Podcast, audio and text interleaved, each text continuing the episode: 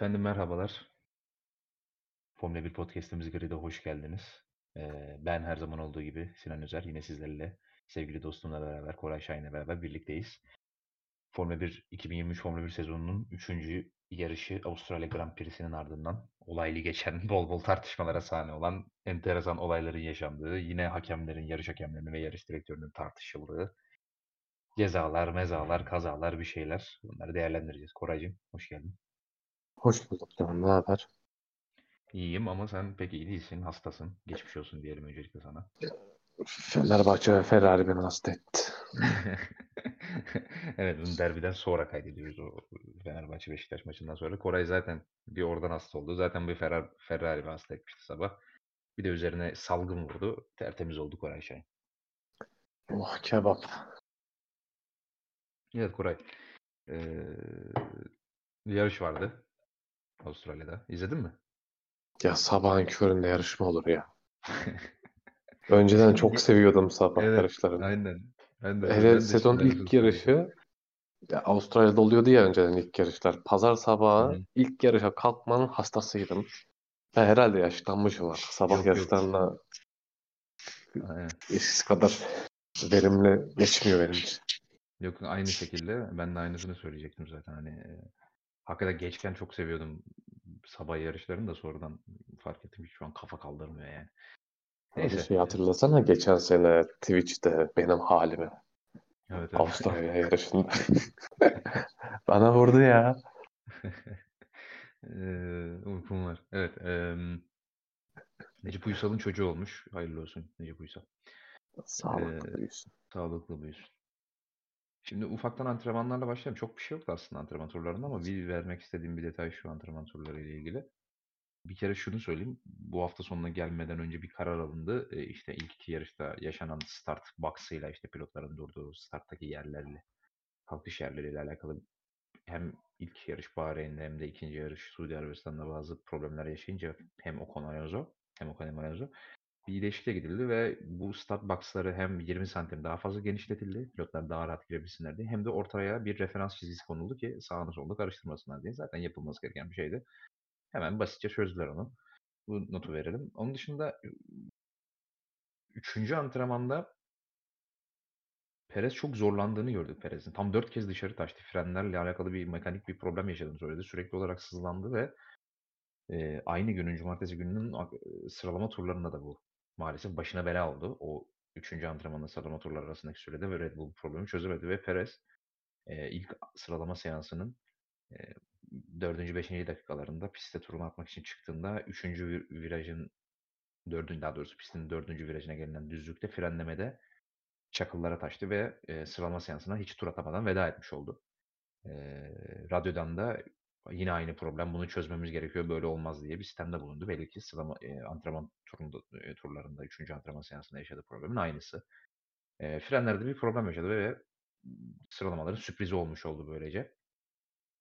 Onun dışında e, sıralamada vermek istediğim diğer bazı notlar e, Q1'de ev sahibi Oscar Piastri elendi. 16. sırada kaldı. Takım arkadaşı Q2'ye geçmesine rağmen Lando Norris. O Q1'de elendi ve 16. sırada kaldı. Norris de zaten ikinci seansta elendi. Norris'in daha sonra şöyle bir açıklaması oldu ki yarışta da aslında bu açıklamasına paralel bir şekilde e, sürdüğünde söyleyebiliriz. Dedi ki şunu fark ettim dedi sıralamalardan sonra. Araçta beklediğim kadar performans olmadığı için dedi. Yani biraz hayal kırıklığından da kaynaklı. Arabayı biraz fazla sürüyorum dedi. Benim ve benim bu aracı %90'la 95'le sürmem lazım dedi. Onu fark ettim dedi. Yani %100'ümle veya %110'umla sürdüğüm zaman e, performans alamıyorum dedi. Daha yavaş, daha sakin sürmem gerekiyor dedi. Bunu fark ettim dedi ve hakikaten yarışta da e, sıralamaya göre çok daha iyi bir temposu olduğunu gördük. Bu, bu farkındalığa varması onlar için iyi olabilir. E, bunu da bir dipnot olarak verelim. Albon yine sıralamaları çok sürpriz pilotuydu. Hem Q1'de hem Q2'de hem Q3'te her seferinde orta sektörün en hızlısıydı. Orada bir setup'ta bir başarıyla bir tutturma olmuş. Çok iyi bir setup'la çıkmış Williams ve e, aslında viraj hızlarından da çok da fazla kendilerini zora sokacak kadar feragat, feragat etmeden orta sektör zaten sadece biliyorsun tek bir viraj var ve onun dışında düzlük. E, orayı sürekli olarak en hızlı geçen pilot oldu Albon. Ve Q3'e kalmaya başardı. Q3'te de 8. sıraya, sırada yer aldı. Gerçekten sıralamaları yıldızıydı Albon.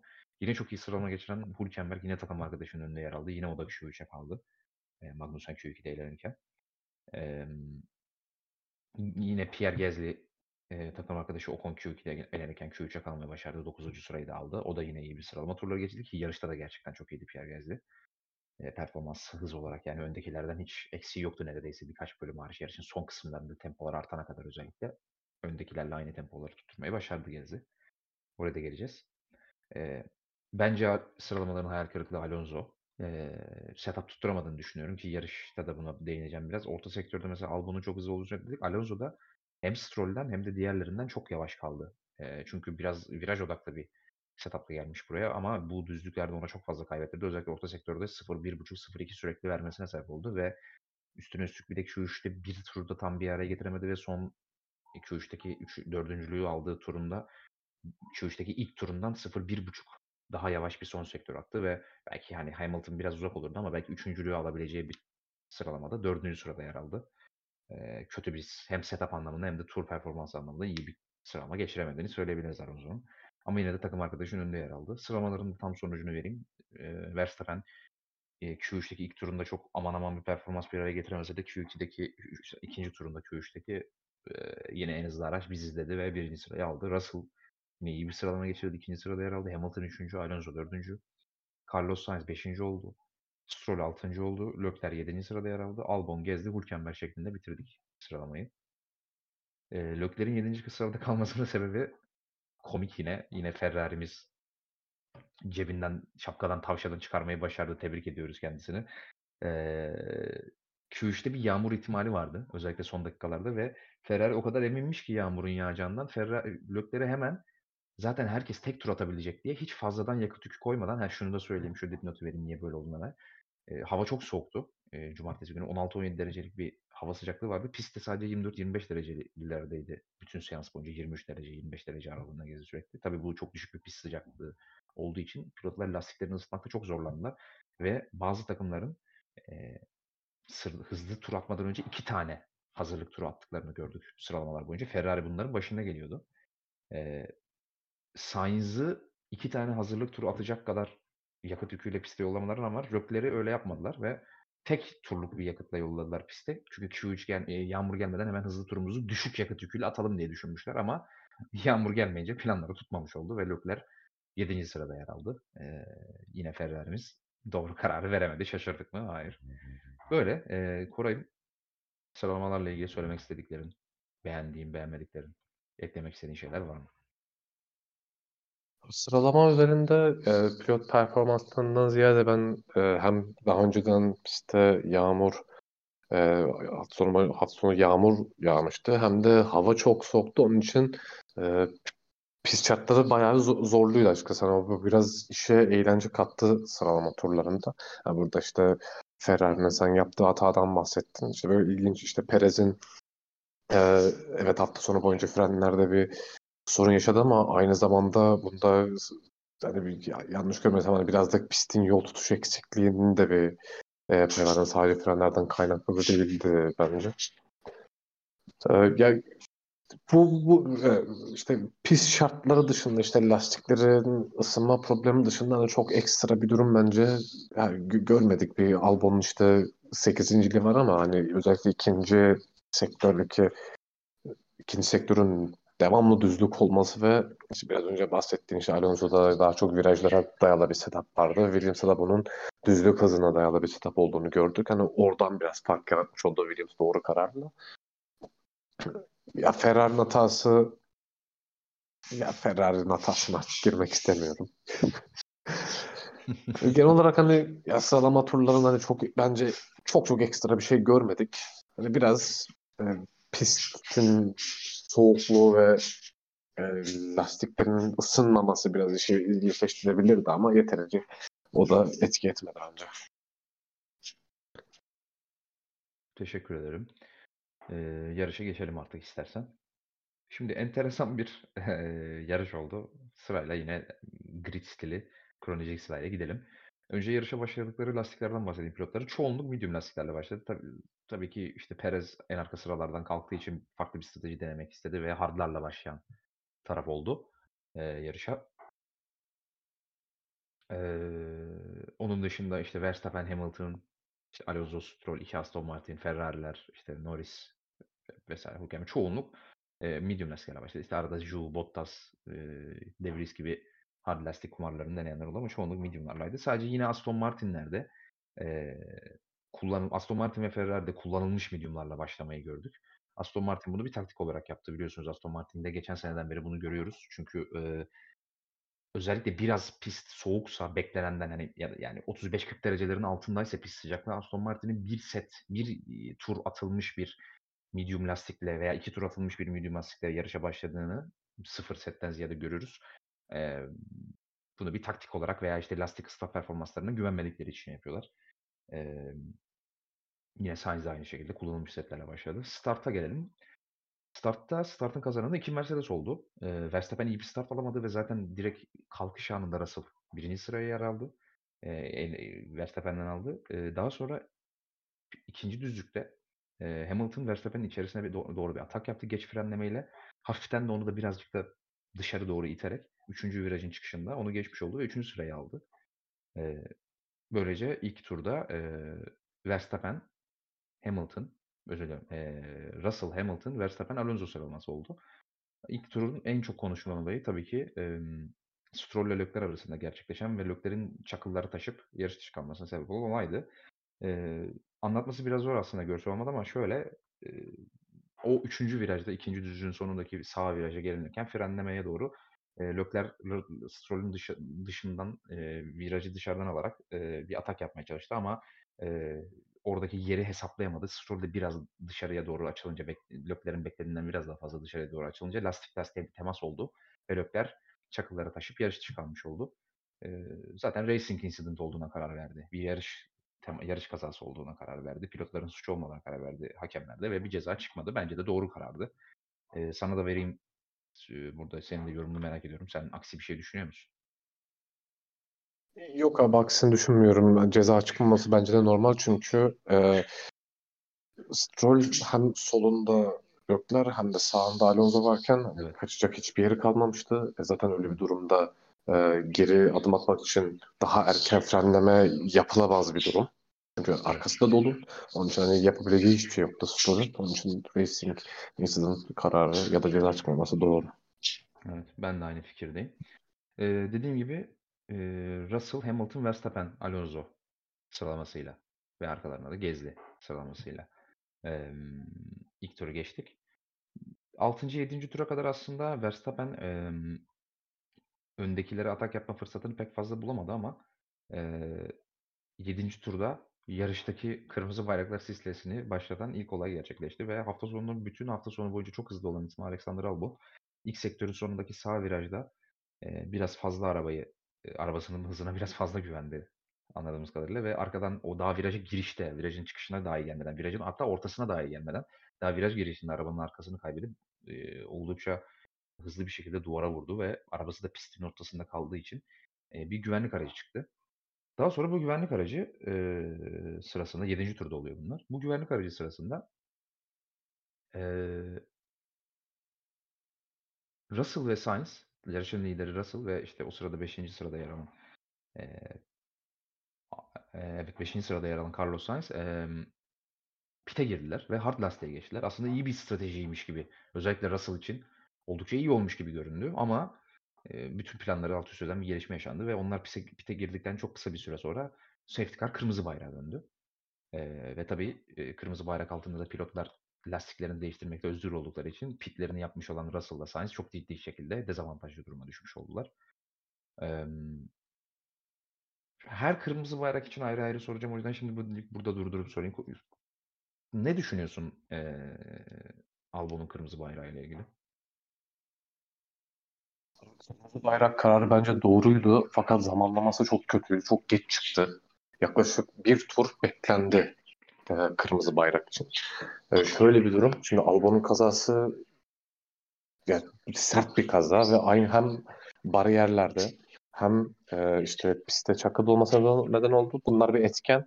Ama en önemlisi yani yarış çizgisine çok neredeyse yarış çizgisi üzerine kadar geldi araç. Yani bir kısmı neredeyse geldi ve e, körblerin üzerindeki orada araçlar geçerken körbleri de kullanıyor. Ve direkt yarış çizgisi olarak da bahsedebiliriz bundan. Ya bu bölümde bir vinç çalışması gerçekleştiril gerçekleştiriliyor. Ve zaten vinç daha hemen girmeden önce zaten araç e, pistin ortasına kadar neredeyse gelmiş. Hani bu hiç beklemeksizin zaten orada bir vinç çalışması vesaire olacağı şüphesiz. Yani hiç beklenmeden kırmızı bayrak çıkarılmalıydı. Onun için bir tur geç kalındı kırmızı bayrak. E, FIA'nın ya da işte yarış hakemlerinin hatası burada o kırmızı bayrağı geç çıkarmaktı. E, buradaki işte yarış hakemlerinin yaptığı hata da Russell ve Sainz'e biraz patlamış oldu çünkü e, yaptıkları pit biraz boşa gitmiş olan yerlerini kaybetmiş oldular bu sayede. Yani kırmızı bayrak kararı onun için bence doğruydu. Zamanlama olarak çok bence yani bir tur geçti yani bayağı kötü bir zamanlama. Yine ani reaksiyon veremedi burada yarış hakemleri. Yarış direktörü demek istedi tabii ki anladık Ha, ama. yarış, Ee, yarış direktörü. Ee, şimdi şöyle Koray ö- önemli bir şeyden bahsetti lafının arasında dedi ki işte bariyerlerde ciddi bir hasar oldu dedi. Şimdi şunu çok görürüz zaten hani yıllardır Formula 1 red flag e, kırmızı bayrak prosedüründe bariyerlerde eğer böyle 10-15 dakika minimum eğer e, tamir gerektirecek bir hasar varsa özellikle piste yakın bariyerlerde ki o bariyer oldukça piste yakın bir bariyer ve önemli bir bariyer. Çünkü hızlı virajın hızlı virajların çıkışındaki e, bariyerler, lastik bariyerler e, tamir edilmek zorunda yarışa devam edilmesi için. Çünkü orada benzer bir kaza yaşanırsa o hasarlı bariyere tekrar bir çarpma olursa o lastik bariyerler e, aracın vurma hızını, aracın vurduğu şiddeti, o G kuvvetini ememeyebilir yeterince hasarlı olduğu için ve hani ciddi bir sakatlığa sebep olabilir. olabilir. Ben ilk başta böyle bu yüzden çıktı zannettim kırmızı bayrak.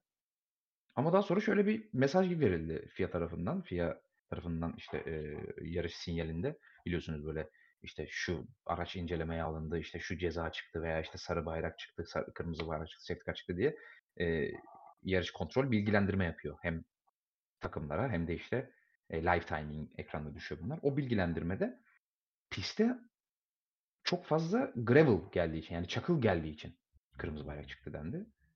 Bu konuyu şimdilik burada es geçiyorum. Çünkü diğer kırmızı bayraklarla beraber yarışın sonunda bu konudaki fikirlerimi söyleyeceğim. Şimdi e, kırmızı bayrak periyodu işte az önce de bahsettiğim gibi tabii e, Sainz ve Russell çok ciddi şekilde yer almış oldu bu periyottan. Çünkü diğer pilotlar hiç pit stop yapmak zorunda kalmadan e, yer e, lastiklerini değiştirmiş oldular ve hard lastiğe geçmiş oldular. E, bir standing start biliyorsunuz 2-3 sene önce gelen yeni kuralla beraber kırmızı bayraktan sonra eğer müsaitse yarış hakem yarış direktörü uygun görürse standing start e, yapılma prosedürü var, yapılma durumu var ve standing start yapıl yapılmasına karar verdi yarış yarış direktörü. E, standing start'ta e, Hamilton yerini korudu. Biliyorsunuz o sırada tabii Russell pit'e girdiği için Hamilton liderliği almış oldu ve standing start'ta birinci sırada kalkan Hamilton yerini korudu. E, 10. turda yapıldı standing restart. E, ama e, Verstappen tabi DRS bir iki tur sonra ikinci turda DRS açıldıktan sonra orta sektörde hem Honda motorunun verdiği avantaj hem zaten hız, araç hızının genel olarak verdiği avantajla çok rahat bir şekilde Hamilton'ı geçmiş oldu ve geçtikten hemen sonra da sadece bir sektörde iki saniye kadar farkı açtı. Yani Hamilton'ın karşı atak yapmasına hiçbir şekilde fırsat vermedi. O iki saniye farkı açtıktan sonra da tekrar temposunu düşürüp lastik koruma moduna işte biraz daha rölanti moduna geçmiş oldu ama hani Red Bull'un işte sıralamalardan sonra özellikle ya acaba e, ilk iki yarışta olduğu kadar fark açık değil mi? Hani Avustralya'da farklar biraz daha kapandı mı? Soru işaretleri çok da aslında öyle olmadığını, pistte özel bir durum olduğunu ve Red Bull'un hala istediği zaman özellikle yarışta çok ciddi bir hız farkı e, ortaya koyabileceğini de göstermiş oldu aslında o 30 saniyelik sekans. Ee, tabii o sırada Verstappen Hamilton'ı geçtikten sonra Verstappen, Hamilton, Alonso, e, Gezli sıralaması oldu ve Gezli'nin arkasında da Sainz vardı. Ee, Gezli dediğimiz gibi sıralamalarda da az önce bahsettiğim gibi oldukça iyi bir tempoya sahipti ve 25. tura kadar aslında Sainz'e geçmemeyi başardı ama 25. turda Sainz çok güzel bir atak yaparak e, ikinci düzlükte dışarıya doğru fren yapacakmış gibi e, fake atıp daha sonra içeriye geç bir dalış yaparak oldukça güzel bir atakla dördüncü sırayı almış oldu e, Gezi'den. E, Alonso Hamilton sıralaması aradaki fark 1-1,5, 2, 1-1,5-2 saniyeleri gidip geldi, gidip geldi. İşte bir Alonso DRS'sini doldurdu, bir saniye yaklaştı. Daha sonra işte Hamilton DRS'sini doldurdu. O farkı tekrar 1.8'lere, 1.7'lere çıkarttı falan. Sürekli böyle gidip geldi yani. Hiç hiçbir değişiklik olmadı. DRS'ye de giremedi çok fazla. Bir iki kısa e, dönem dışında Alonso DRS'ine de çok fazla giremedi. Tabii işte burada yine bahsettiğimiz setup bence setup hatasından dolayı işte düzlük uzuna fazla ikinci plana atması yarışta ona ciddi bir şekilde dezavantaj getirmiş oldu. Çünkü düzlüklerde düzenli olarak 8-10 kilometre daha yavaştı Hamilton'dan ve bu onun aslında Hamilton'a da eğer bir atak yapma şansı vardıysa da bunu hiçbir şekilde gerçekleştirememesine sebep oldu. Eee, bu yarışın ilk kırmızı bayraktan sonraki son kısmına kadar neredeyse hiçbir şey olmadı yarışta. Hani, işte, dediğimiz gibi Sainz Gasly geçti. Orta sıralarda mücadele vardı. İşte Norris bir, eee, işte Magnussen'i geçti güzel bir atakla. Özür dilerim, eee, Hülkenberg'i geçti vs. Eee, ama onun dışında çok bir şey olmadı. Zaten pit stop'lar da yapılmadığı için lastikler de çok iyi dayandı bu yarışta ve, hani, ne hemen hemen hiçbir şey olmadı yani. Verstappen ufak ufak farkı açtı. 8-10 saniyelere kadar çıkardı. Ta ki 50'nci 53'üncü tura kadar yarışın sondan alt son alt bitmesine son 6 tur kala, eee, kameralar Magnussen'i gösterdi ve Magnussen'in sağ arka lastiği yoktu. Iıı patladı ve koptu diye düşündük ama daha sonra tekrar görüntü ekrana geldi, replay ekrana geldi ve Magnussen'in 1. virajın çıkışındaki sağdaki duvara eee, vurduğu arabayı ve vurduğu andan itibaren, eee, sağ arka süspansiyonunun kırılıp lastiğin de fırladığı gö görüldü. Eee bu yine ilk Albon'un kazasında olan duruma benzer bir durum yaşandı ve safety car çıktı önce. Daha sonra bu safety car, o safety car'ın ilk turunu tamamlamasına çok yakın, yani son 2 viraja gelirken safety car kırmızı bayrağa döndü. Yine ilk seferine benzer geç bir kırmızı bayrak kararı verildi. Bu sefer de hatırlarsanız az önce bahsettiğim Albon'un olayında kırmızı bayrak çıkartılmasına sebep olarak yarış direktörü pistteki çakılları sebep göstermişti. Bu sefer de pistteki lastik parçalarını, Magnussen'in süspansiyonundan ve jantlarından ve lastiğinden fırlayan lastik parçalarını sebep gösterdi. Eee, dediğim gibi bunlarla ilgili söyleyeceğim şeyler var. Sonraya bırakıyorum. Şimdilik durumu anlatıyorum sadece. Tabii yine kırmızı bayrak, eee, verilince bu sefer pilotlar tekrar pit pit, eee, pit yolunda yerlerini aldılar ve tekrar, eee, bir, işte, ne zaman start verileceği konusunda kararı beklemeye başladılar. Bu seferki res eee, kırmızı bayrak periyodu çok daha uzun sürdü. Yaklaşık 20-25 dakikalık bir, yanlış hatırlamıyorsam bir periyot oldu. Oldukça uzun sürdü. Eee, tabii ki sadece yarışın bitmesine de 2 tur kaldığı için, eee, pilotlar soft lastik taktı. Eee çoğunluk pilotlarda özellikle ilk 10'da yanlış hatırlamıyorsam, eee, Norris ve Perez dışında herkeste kullanılmış set vardı. Perez ve Norris'te sadece 0 set plastik vardı. Çok uzatmayalım. 55'inci turda tabii bu, işte, kırmızı bayrak çıkıyor. Pit'e girildiğinde 56. tur olmuştu. Pit'ten çıkıldı 56'dan sonra 57'ye 57. tura tur için, 57. tur başlangıç için bir standing start tekrar pilotlar griddeki yerlerini aldı. Yine tekrar standing start verilmesi kararı verildi. Emm, bu standing start'ta Verstappen bu sefer yerini korumayı başardı. Hamilton Alonso arkasındaydı. Eee, ta ki ilk viraja normal bir şekilde girilecekmiş gibi görünürken şimdi çok karışık olaylar yaşandı. Sırayla anlatmaya çalışacağım tek tek. Şimdi önce Gasly çok geç bir fren yaptı. Eee, neredeyse Alonso'ya çarpıyordu ama çarpmadı ama çok geç fren yapıp lastiklerini kilitlediği için biraz dışarıya taşmış oldu. O Alonso'ya çarpmayı başaramadı ama Sainz, eee, ilk virajı içeriden dönerken biraz o da fazla geç fren yaptı ve biraz ilk virajın dışına doğru taşmış oldu ve dı dışarıdaki Alonso'yla çarpışıp Alonso'nun spin atmasına sebep oldu ama Sainz'e bir şey olmadı. Sainz hasarsız bir şekilde devam edebildi. 3. sırayı da almış oldu, eee, 3. sıradaki Alonso spin attıktan sonra. Eee, yine arka tarafta, eee, Gasly çok geç fren yaptığı için Perez dışarıya taştı çakıllara. O da aslında ciddi bir yer kaybı aldı. 10'uncu yani puan barajının bile dışına çıkmıştı.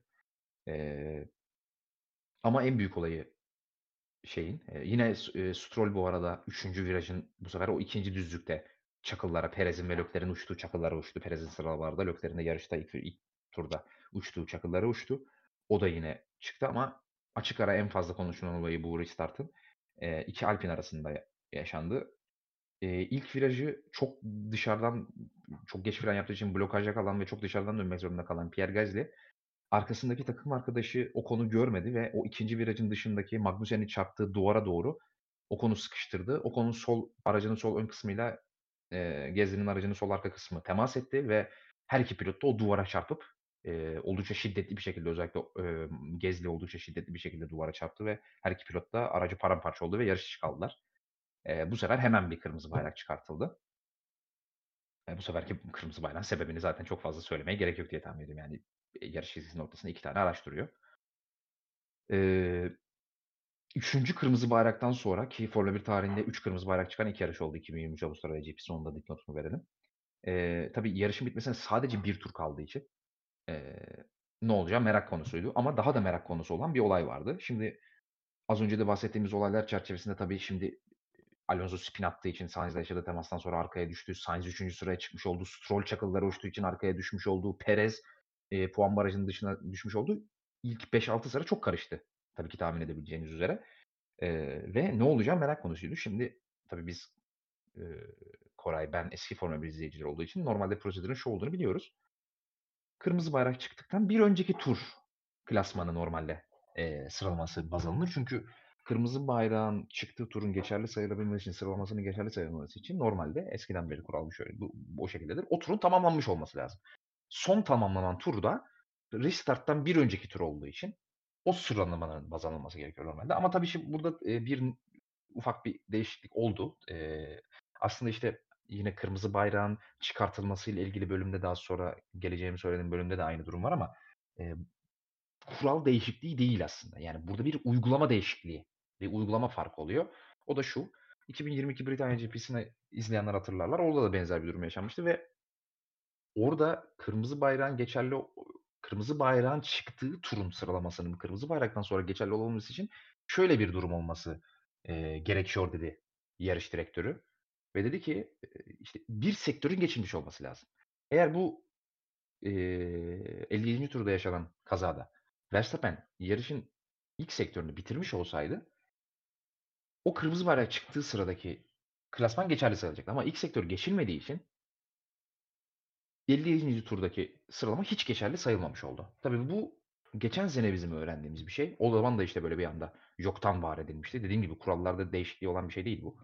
Eee, tıpkı kırmızı bayrağın çıkartılması gibi yarış hakemlerinin yarış özür dilerim, yarış direktörünün inisiyatifine verilmiş biraz ve, hani, "Sen duruma göre hareket et."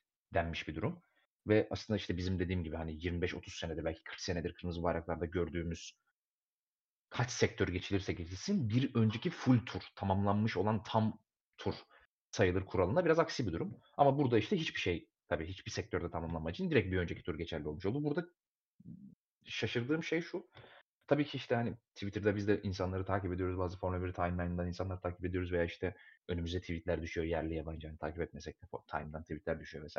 Çok fazla fav alan, çok fazla retweet alan tweet'ler oldu. Hani, "Niye böyle bir şey yapılıyor, haksızlık değil mi?" falan. Ya arkadaşlar kural bu, hani. 40 senedir bu şekilde uygulanıyor. Takımların bilmediği de bir şey değil. Özellikle Sainz üzerinden oldu bu çok. Tabii şimdi Sainz bir ceza aldığı için ve çok da fazla geriye de düştüğü için, eee, "Ya abi, işte, sıralamayı saymıyorsunuz ama, işte, Sainz'ın cezasını sayıyorsunuz. Hani, nasıl oluyor?" falan. E, arkadaşlar şimdi tamam, klasman sayılmadı da ya olaylar oldu sonuçta. O zaman, eee, şöyle yapa yapsaydık o zaman yani. E, Alpine de mesela araçları DNF sayılmaması sayılmasaydı öyle mi yapalım? Yani kaza yaptı Alpine'ler, yarış dışı kaldı. Kaza yapmamış gibi mi davransaydık Alpine'lere kırmızı bayrak çıktı diye? Yani çok komik, hani, niye böyle tweet'ler atılan ama hadi dediğim gibi, yani, nispeten yeni izlemeye baş başlamış insanlar olabilir. O o konuda bir şey demiyorum ama, işte, yıllardır Formula 1 izlediğini bildiğim çünkü yıllardır da takip ettiğim bazı insanlardan da saçma saçma tweet'ler düştü time'ıma. İşte, saçmalık, haksızlık falan. E, ne yapsınlar yani şimdi haksızlık olur diye kurala mı aksi gitsinler? Kural bunu söylüyor yani kırmızı bayrak çıktığında tamamlanmış olan tur sayılır veya, işte, yeni geçen sene dediğim gibi, böyle, şapkadan çıkartıldığı gibi sektör tamamlanmış, son sektör sayılır diyor. E, tamamlanmadı sektör şimdi ne yapalım yani? Hani, eee, ne yapabiliriz bu durumda? Saçma bir tartışmaydı. Emm, neyse uzatmadan geçiyorum. Sıra yarışı bitirip tek tek bunları zaten konuşacağız Koray'la beraber. Burada yine tartışılan bir olay oldu. Tabii ki şimdi 57'nci turda 3'üncü kez kırmızı bayrak çıktığı için ve, işte, 57'nci turun girişin sonunda pit'e girdikleri için pilotlar, e, biliyorsunuz 57'nci turda pit yoluna girdiler. Daha sonra, eee, hani, bir sonraki çıkış turlarında 58'inci tur başlamış olacak. Bir yarış yapılması mümkün değil. Çünkü standing start da verilemez zaten. Hani, bit bitmiş yarışın nasıl standing start'ını vereceksin? Ve beklenen, hani, yine tabii ki bizim beklediğimiz diyeyim en azından, beklenen değil de yine çünkü hiç beklemeyen insanlar olduğunu gördüm yani. Beklenen oldu ve, eee, rolling start altında pilotların geçiş yapmasına izin vermeden aslında, yani, bir bu sıralamayla biz bir yarışı bitireceğiz. açıklaması geldi Türkçesi. Bu meali bu yarış direktöründen. Ee, yani FIA'dan, yarış kontrolden diyelim. Böyle bir mesaj geldi. Ve işte pilotlar piste çıktıktan sonra güvenlik aracı arkasında. Güvenlik aracı 58. turun sonunda yani yarışın son turunun sonunda e, şeye girdi, içeriye girdi ama e, tabii yarış safety car çizgisinden önce pilotlara geçiş yapılamayacağı söylen, söylendiği için e, yarış aynı sıralamayla bitmiş oldu ve yarışı Max Verstappen kazandı. Hamilton ikinci sırada yer aldı. Alonso üçüncü oldu. E, iptal edilen restartta, 50. turdaki restartta çakıllara taşan Stroll e, bir önceki sıralın klas, kla, sıra, e, turun klasmanının geçerli sayılmasıyla beraber dördüncü sırada yer aldı. Yine Perez dışarıya taşmıştı. Puan barajının dışına kalmıştı. O da tekrar yerini geri almış oldu. Beşinci sırada yer aldı. Norris altıncı oldu. Hülkenberg yedinci oldu. E, Oscar Piastri McLaren'a double puan getirdi. Kendi evinde ilk puanlarını almış oldu. 8. oldu. Guan Yuju 9. oldu ve Alfa Tauri ile e, Yuki Tsunoda da 10. sırada yer aldı. Evet karışık olaylar. Şimdi tek tek biraz daha filmi geri sarıp tek tek değerlendireceğim. Şimdi şuradan başlamak istiyorum. Koray, Albon'un kırmızı bayrağını sordum. Öyle gidelim. Şimdi sana Hülkenberg'in kırmızı bayrağını soracağım. Tekrar hatırlatmak için hem sana hem izleyicilere. Hülkenberg birinci virajın çıkışındaki duvara çarptı. Lastiği yerinden fırladı o temasla beraber. kendisi aracı güvenli bir yere çekti. Ama işte yarış kontrolü dedi ki önce safety car çıktı. Aynı ilk seferde olduğu için ama sonra işte safety car'dan 1-1,5 dakika sonra yarış kontrolü dedi ki ya bu işte lastik parçaları var. Kırmızı bayrak çıkartalım. Ve kırmızı bayrak çıkarttılar. Ee, ne e, şimdi burada yorumunu vermi sormayacağım çünkü genel olarak bir yorum alacağım senden. İkinci kırmızı bayrakta da zaten hani çok konuşulacak bir şey olduğunu düşünmüyorum. Hani e, iki tane Alpin yarış çizgisinde paramparça duruyordu. Bir sürü de parça vardı. Zaten hemen kırmızı bayrak çıkarttı. Şimdi yorumlarımı sona bırakacağım dedim. Şimdi biraz daha filmi bir iki sene kadar daha yaklaşık bir buçuk sene kadar daha geriye saracağım ve şuraya geleceğim. Şimdi hatırlarsınız 2021 Abu Dhabi Grand Prix'si Formula 1 tarihinin en acayip, en çok konuşulan ve en inanılmaz yarışlarından bir tanesi Max Verstappen'in son turda Hamilton'ı geçip şampiyonluğunu ilan etti. O efsane yarış. Şimdi orada hatırlarsınız şöyle bir şey olmuştu. E, Latifi son sektörde e, arkası, arkayı kaybedip duvara vurunca bir safety car çıkmıştı. E, winch girmişti piste. Bayağı yarış çizgisinin üzerinde winch vardı. O winch hem par işte yarış görevlileri, pist görevlileri parçaları topluyordu hem de o winch arabayı kaldırıyordu. Safety car işte ince bir tek bir tek arabanın geçebileceği bir çizgi oluşturdu oradan ve 2-3 tur boyunca hatta belki 4 tur boyunca yanlış hatırlamıyorsam o çizgiden safety car arkasında pilotlar tek sıra halinde geçtiler. Tabii ki çok yavaş olmasına. Biz orada Twitch yayınındaydık yarıştan sonra. Ve ben orada ısrarla dedim ki e, izleyenler hatırlayacaklar ama illa dinleyenler arasında izlemeyenler vardır. Ben orada dedim ki ya bu saçmalık. Ya bu kuralın mutlaka değiştirilmesi gerekiyor. Hani biz 2014'te bırakın yarışı pist üstünü pistten 50 metre belki 100 metre ötede vinç var diye dışarı taşıp e, o, o vinçe çarptığı için hayatını kaybeden pilot gördük. Yani bu böyle olmaz. Hani bir kural değişikliği getirilmesi gerekiyor veya kural değişikliği getirilmesine göre madem yarış direktörünün o zaman Michael Massey'di işte hatırlarsınız. Bu kadar fazla inisiyatif var e, bu kurallar üzerinde. İşte yani şu şu pilotlar e, yerlerini geri alabilir. Bu şunlar almasın diyecek kadar böyle kuralları esnetecek kadar e, şey olduğunu, inisiyatif olduğunu öğrendik biz o yarıştan sonra. E, o zaman abi yani bu inisiyatifi de verin. Hatta bunu yani gerekirse bir emir olarak da söyleyin. Hani pistte vinç varsa özellikle de pistin üstünde yani vinç varsa kırmızı bayrak çıkartın dedim. Ben dakikalarca bunu tiradına attım yani tabiri caizse. Şimdi bu konuda bir değişiklik yapılmadı normalde. Şimdi benim anlamadığım şu. Yine aynı mesela geçen hafta Su Suudi Arabistan GP'sinden sonraki işte Alonso'ya e, verilen süre cezası daha sonra geri alınan süre cezası ile ilgili konuda da aynı şeyi tartıştık biz burada. Kurallar açık olmadığı zaman işte böyle durumlarla karşılaşıyorsunuz. Şimdi 2021 Suudi Arabistan cephesinden sonra işte ben bu sporu her gün takip ediyorum. Benim gördüğüm kırmızı bayrağın işlenişi konusunda, kırmızı bayrak prosedür konusunda bir değişiklik olmadı. Formula 1 tarihinde pistte çakılı var diye kırmızı bayrak çıktı hiç olmadı. Formula 1 tarihinde pistte kır, lastik parçaları var diye kırmızı bayrak çıktı da hiç olmadı. Ha pistte arabalar paramparça duruyor diye kırmızı bayrak çok çıktı evet. Ama ne çakılı var diye pistte kırmızı bayrak çıktı ne de lastik parçaları var diye kırmızı bayrak çıktı. Ha Bak bunu söyleyen de benim. Ben diyorum ki vinç girdiği zaman kırmızı bayrak çıksın. Ama bu konuda bir kural değişikliği yapın veya bu söylenmedi de. Veya işte hani biz FIA tarafından şöyle bir açıklama da yapalım. Biliyorsunuz FIA bazen mesela geçen haftaki olaydan sonra ne dedi FIA? Ee, bu e, işte e, süre cezası sırasında a- araç üzerinde çalışma yapma, working on the car maddesinin yeterince açıklay- açıklayıcı olmadığını anladık. Bu maddeyle ilgili gerekli çalışmalar yapacağız dedi. Ama o 2021 Suudi Arabistan Grand Prix'sinden sonra veya ondan sonraki başka bir Grand Prix'den sonra ben böyle bir açıklama yapıldığını hatırlamıyorum. Yani işte ara, pistte vinç varken eee pistte arabaların güvenlik aracı arkasında olsa bile her ne kadar yavaş gitseler bile dönmelerinin tehlikeli olduğunu farkına vardık. O yüzden biz eee, bundan sonra piste her vinç girmek zorunda kaldığı zaman kırmızı bayrak çıkartacak diye bir şey olmadı. Böyle bir karar alınmadı. Alınmadı yani. Şimdi ne oldu? Ne oldu? Ben anla ha, ben size ne olduğunu anlatayım. Albon olayını bir kenara bırakıyorum. Albon'unki Albon'unki bence tamamen saçmalık. Bakın tekrar söylüyorum. Ben pistte vinç varken kırmızı bayrak çıkartılmalı diye belki de hani şu hani gördüğünüz hani dinlediğiniz, ettiğiniz veya işte yorumladığınız insansınız belki ilk söyleyenimdir. Ben 3 5 4 sene önce de söyledim podcast'lerde pistte kırmızı. Martin Brundle 30 senedir söylüyor zaten. Çünkü kendisi pistte başkası başka aracı kaldırmak için e, giren bir vince çarpıp çok ciddi bir şekilde sakatlanmış bir insan olarak e, çok ciddi bir şekilde kaza yapmış bir insan olarak 30 senedir söylüyor. Biri ölecek diyor. Diyordu. Öldü zaten işte. Bianchi'yi kaybettik. Ben de senelerde söylüyorum podcast'lerde, yayınlarda yani olmalı. Ama şimdi niye itiraz ediyorum? E çünkü kuralda böyle bir değişiklik yapılmadı. Yani sıkıntı burada şu arkadaşlar. Vinç var diye kırmızı bayrağın çıkması değil mesela. Bugün çıktı, yarın çıkmayacak. Çünkü zaten şu, şimdi Koray dedi ya mesela, bence çıkması doğruydu çünkü pistte vinç vardı diye. Pistte vinç olduğu için çıkmadı işte. Mesele orada. Yani bana deseler ki yarış kontrol. Pistte vinç var, kırmızı bayrak çıkartıyoruz. Pist, pi- pilotların güvenliği söz konusu. Eyvallah. Abi pistte vinç var diye çıkartmadılar ki. Pistte çakıl var diye çıkartıyor. Formula 1'de böyle bir şey görülmedi.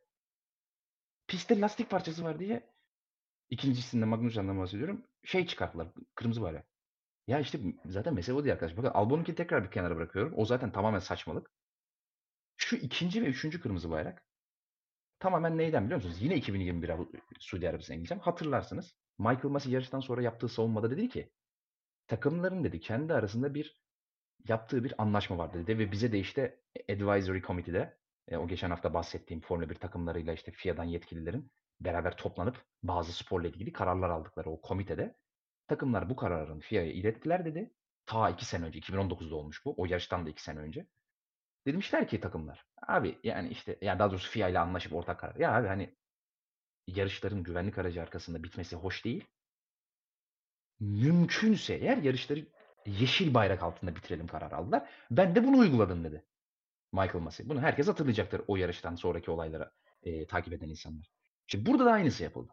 Çünkü o kural, o kural da iptal edilmedi. Tıpkı nasıl mesela pistte vinç varken kırmızı bayrak çıkar kuralı gelmediyse yarış mümkünse yeşil bayrak altında bitirilir kuralı da kaldırılmadı. Bunlar tamamen yerinde duruyor hala.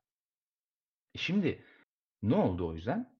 İşte Magnussen'in oradaki kırmızı bayrağı lastik parçası var diye değil pistte. Çünkü orada mesela arabanın da kaldırılması gerekmedi. Şimdi Albon'u anlıyorum. Tekrar söylüyorum. Deselerdi ki Albon'un aracı Koray dedi ya pist üzerinde ve çok, tehli- çok da tehlikeli bir viraj orası. O yüzden kırmızı bayrak çok haklı. Ama bunu söylemiyorlar abi. Pistte çakıl var diyorlar. Ya desene sen orada pistin çok hızlı bir virajının çıkışına şey girmek zorunda. E, vinç girmek zorunda. Çünkü 200 küsürle dönülüyor o viraj. O yüzden kırmızı bayrak çıkarttık. Ama şimdi Magnussen'de öyle bir durum da yok. Magnussen arabayı pist dışına çekti.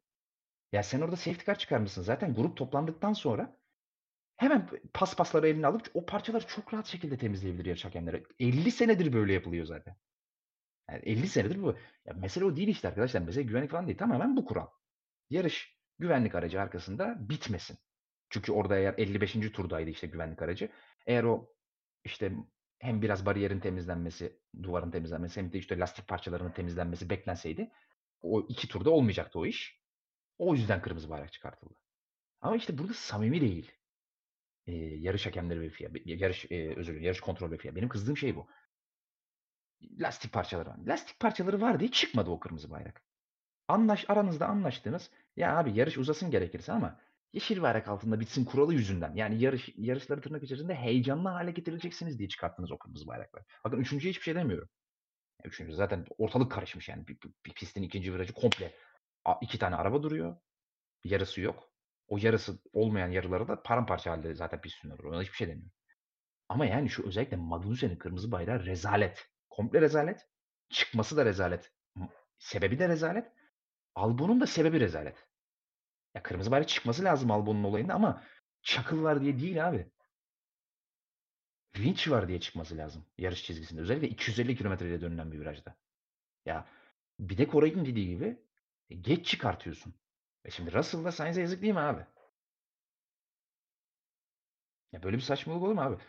Şunu artık bir düzenleyin abi. Şu kuralları bir düzenleyin. Yani kimin nesi neye enforce ettiği bir. Bir de şimdi biliyorsunuz zaten bu Michael Massey'nin e, olayından sonra işte 2021 Saudi Arabistan GP olayından sonra belli periyotlarla da sürekli yarış yarış direktörlerini değiştiriyor e, FIA. İşte söylemiyorlar bunu ama çok büyük ihtimal yıpranmasın diye. Yani bir tane tek bir yarış direktörü olduğu zaman birkaç tane olay olduğu zaman üst üste işte hemen adı çıkıyor.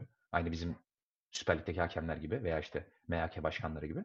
O yüzden böyle bir yıpranmasınlar diye bir, bir işte cycle'a soktular onlar. Atıyorum 10 yarış biri yönetiyor, 10 yarış biri yönetiyor falan.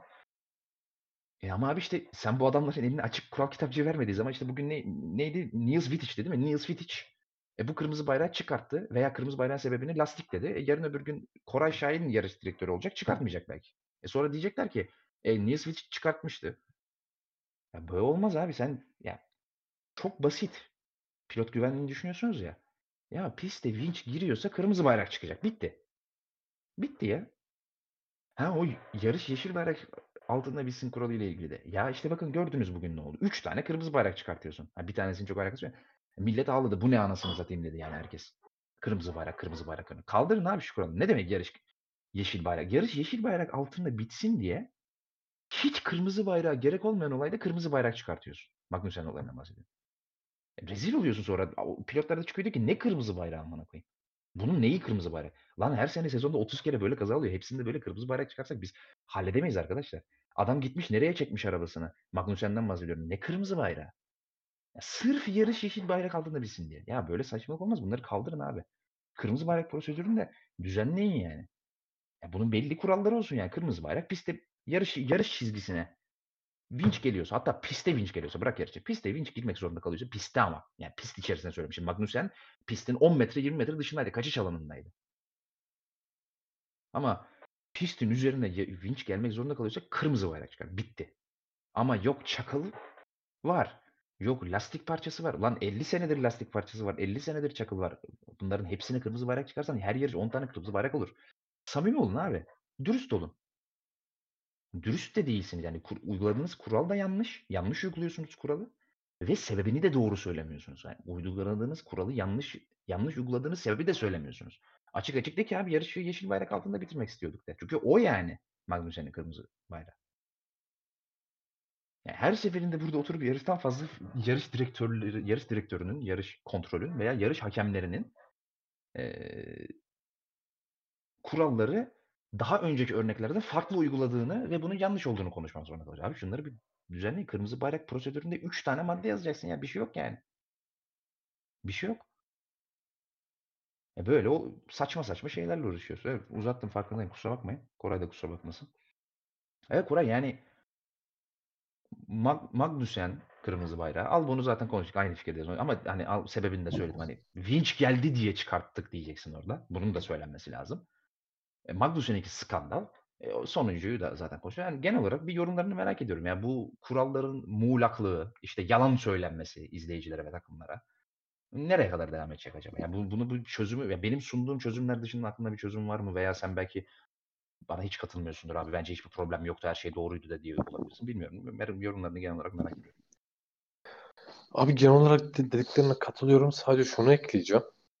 Ee, zaten şeyle ilgili özellikle ikinci çıkan kırmızı bayrakla ilgili o bence de tamamen e, yanlış. Hatta güvenlik aracıyla tamamen çünkü e, atlatılabil- atla- atlatılabilecek bir durumda. Zaten pistin üzerinde birkaç kanat parçası ve lastik parçalar var. Hani onlar e, kırmızı bayrak çıkartacak seviye bir sorunlar değil. Aynı şekilde işte senin bahsettiğin çakıl durumu da öyle. Ya bir tek şunu söyleyebilirsin. Ya, o da çok uzak bir ihtimal ama şimdi Albon'un kazasından sonra e, ya biz mesela geçen geçen ya geçmiş senelerde şunu çok fazla görüyorduk. Özellikle çakıl alanı daha çok e, daha fazla pist vardı takvimde. İşte e, genelde işte pilotların çok fazla çakıl alana uçtuğunu, geri dönmeye çalışırken pisti e, kirlettiğini işte çakıllarla vesaire biz bunu çok fazla görüyorduk. E, bu hiç, hiç o zamanlar bir güvenlik sorunu olmadı. Yani böyle bir güvenlik sorunuyla karşılaşmadık. Evet evet evet ağzına sağlık abi. Ee, en fazla çok fazla varsa örnek de verebilirim mesela 94 e, yok 90 ya 94 ya 95 İtalya GP'sini Monza'ya atsınlar. Coulthard e, çakıl fırlatıyor piste. E temizliyorlar sonra. Ben çok abartı fırlatıldığı zaman güvenlik aracı çıkartıp temizlediler zaten dediğin gibi. Kırmızı bayrak yani. Özür dilerim böldüm. Ve aynı zamanda onunla beraber şunları gördük. Ee, pistte yine çakıllar varken bir araç diğer aracını ta- takip ederken hatta telsizden bazı pilotlar işte çakıl öndeki araçtan çakıl fırladı dair şikayetleri olduğunu söylemişti. Hani böyle şeyler de oldu geçen senelerde ama hani bunlar çok ciddi evet hani bir e, iyi bir durum değil tamamen ama hani direkt olarak güvenlik e, sorunu olarak adlandıracağımız bir şey değil bu. Bir tek şunu sayabiliriz. Albon'un kazasından sonra ilk başta pist çok fazla doldu. E, Çakıl'la. Şimdi zaten ilerleyen turlarda e, bir, bir, bir, bir bölüme çakıl düştükten sonra zaten o yarış çizgisi temizleniyor. Pilotlar üstüne geçti vesaire. Ha, bir tek şunu anlarım. Şimdi Pirelli lastikleri hala çok büyük soru işareti. Şimdi Pirelli lastiklerinin Şimdi zaten bu dönemde çok fazla çakıl alanı olan pist görmüyoruz. Ee, ve işte Pirelli lastikleri de geç, daha önceki dönemki lastiklere göre daha dayanıksız lastikler genelde. Şöyle bir soru işareti olabilir. Pirelli lastiklerine güvenilmedi atıyorum. Ve işte herhangi bir lastik patlama durumu. Yani çünkü çakıl da olsa öyle de olsa lastiğe hani etki etmemesi, eden etki etmemesi gereken bir parça var pistte ve e, onun e, işte pist üstüne geçerken lastiğe dik olarak gelse hani zarar verme ihtimali var. Yani bu lastik patlamasını ya da başka bir şey çok uzak bir ihtimalden bahsediyorum ama bunu deseler ben yine anlarım. Hani böyle bir sorun olsa yani kırmızı bayrak tamam okey. Hani böyle, böyle ama böyle bir açıklama da yok. Yani böyle bir şey de yok. Ee, FIA'nın işte yarış kontrolün e, kırmızı bayrak çıkartmasında işte, e, şey olarak bunu sunuyor. E, neden olarak bunu söylüyor. Ama hani tamam bunu şey olarak söyleyemezsin. Ya biz Pirelli işte çok kötü lastik hani sonuç olarak birlikte çalıştığı bir marka vesaire ama hani bu çok güvenilir bir açıklama onun için değil. Hani pistte eğer ve aynı zamanda e, pistte çakıl parçaları var. Ya e, zaten 2-3 tur sonra çakıl, çakıl parçalar araçların etki, hem üstünden geçmesi hem etki rüzgarla zaten dağılacak pist üzerinden. E abi zaten fazla olanlarını da zaten süpürgeyle alıyorlar güvenlik aracı arkasında yarış hakem. Evet abi hem, hem de o şekilde temizlik de yapılıyor. Hani check paslar çıkıyor ortaya. E abi şimdi bu atıyorum çok şey. Sen bunun arkasına bir açıklama koymadın. Şimdi benim aklıma hani sadece şey için söyleyeyim sadece kendi üzerine söyleyeyim. Ya benim aklıma buradan Pirelli olan güvensizlik geliyor. Çünkü o, o çakıldan dolayı kaldı kırmızı bayrak çıktıysa e sen lastiklere güvenmedin o zaman. Yani başka bir açıklama bilmiyorum benim aklıma gelmiyor yani. yani çünkü dediğim gibi çok e, riskli bir durum değil. Evet biraz fazla çakıl doldu işte doğru ama bir Formula 1 aracını pistten çekecek kadar da bir etkileyecek durum değil. Onun için e, hani sadece Formula 1 adı altında değil aynı zamanda Pirelli markasına da bence burada zarar veren bir durum var. Hani tamamen şey e, biraz önce senin de söylediğin gibi kırmızı bayrak nedeni evet kırmızı bayrak doğruydu ama gösterilen nedeni yanlıştı. İşte gösterilen nedeni de sadece Formula 1 değil aynı zamanda Formula 1'in birlikte çalıştığı olan firmalara da bu şekilde zarar var. Hani iki taraftan hem takımlara zarar veriyorsun hem bir kendi çalıştığın e, markalara zarar veriyorsun vesaire. Yani tamamen e, ya saçma sapan bir karar öyle söyleyeyim.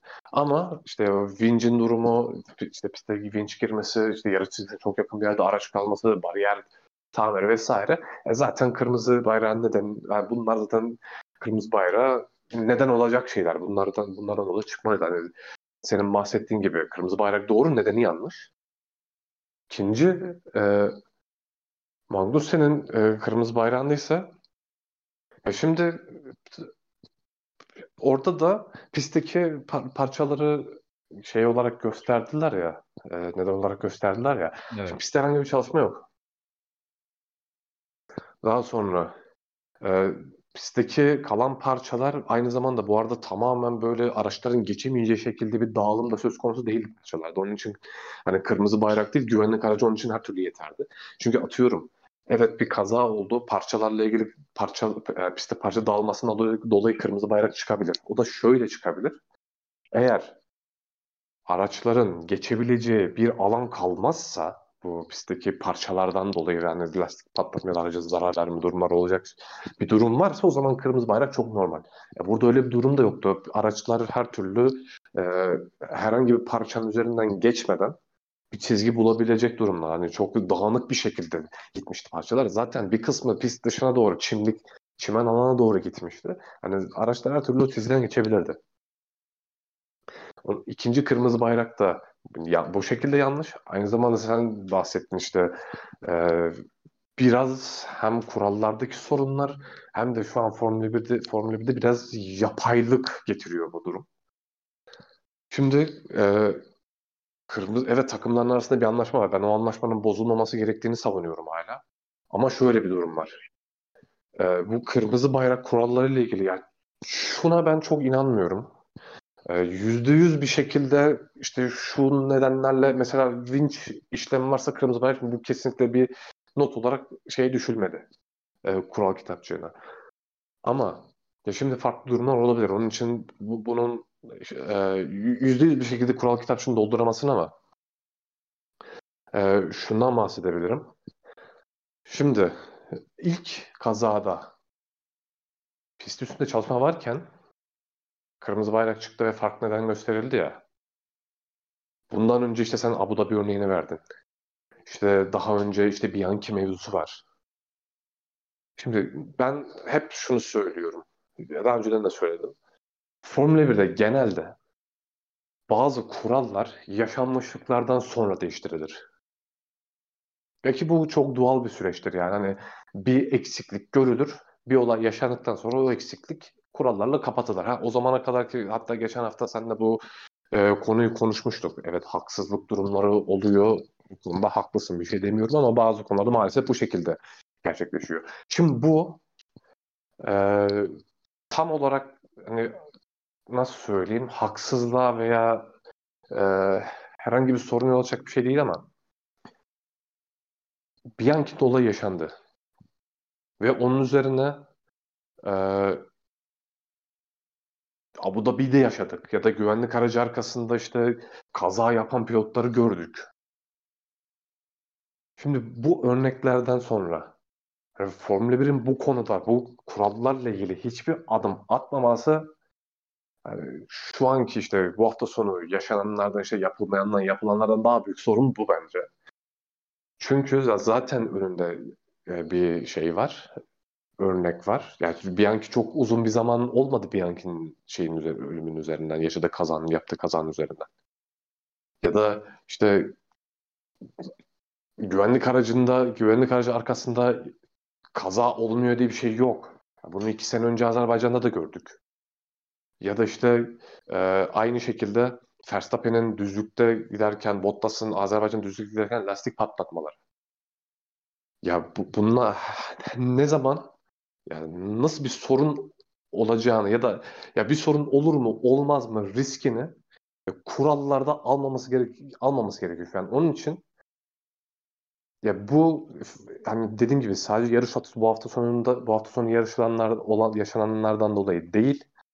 Evet bu bir hatadır ama buradaki hatanın temeli yani bu olaylar daha önce zaten yaşandı ve hala yaşamaya devam ediyor ve Formula 1 hala bunlarla ilgili bir e, eyleme geçmiş değil. Herhangi bir, bir şekilde bunu kurala dökmüş değil. Evet ben şuna karşı hala değilim. Evet e, takımlar arasında bir anlaşma var Yeşil Bayrak arasında, arkasında bitsin. Ben bunu savunuyorum. Bu bence devam etmeli.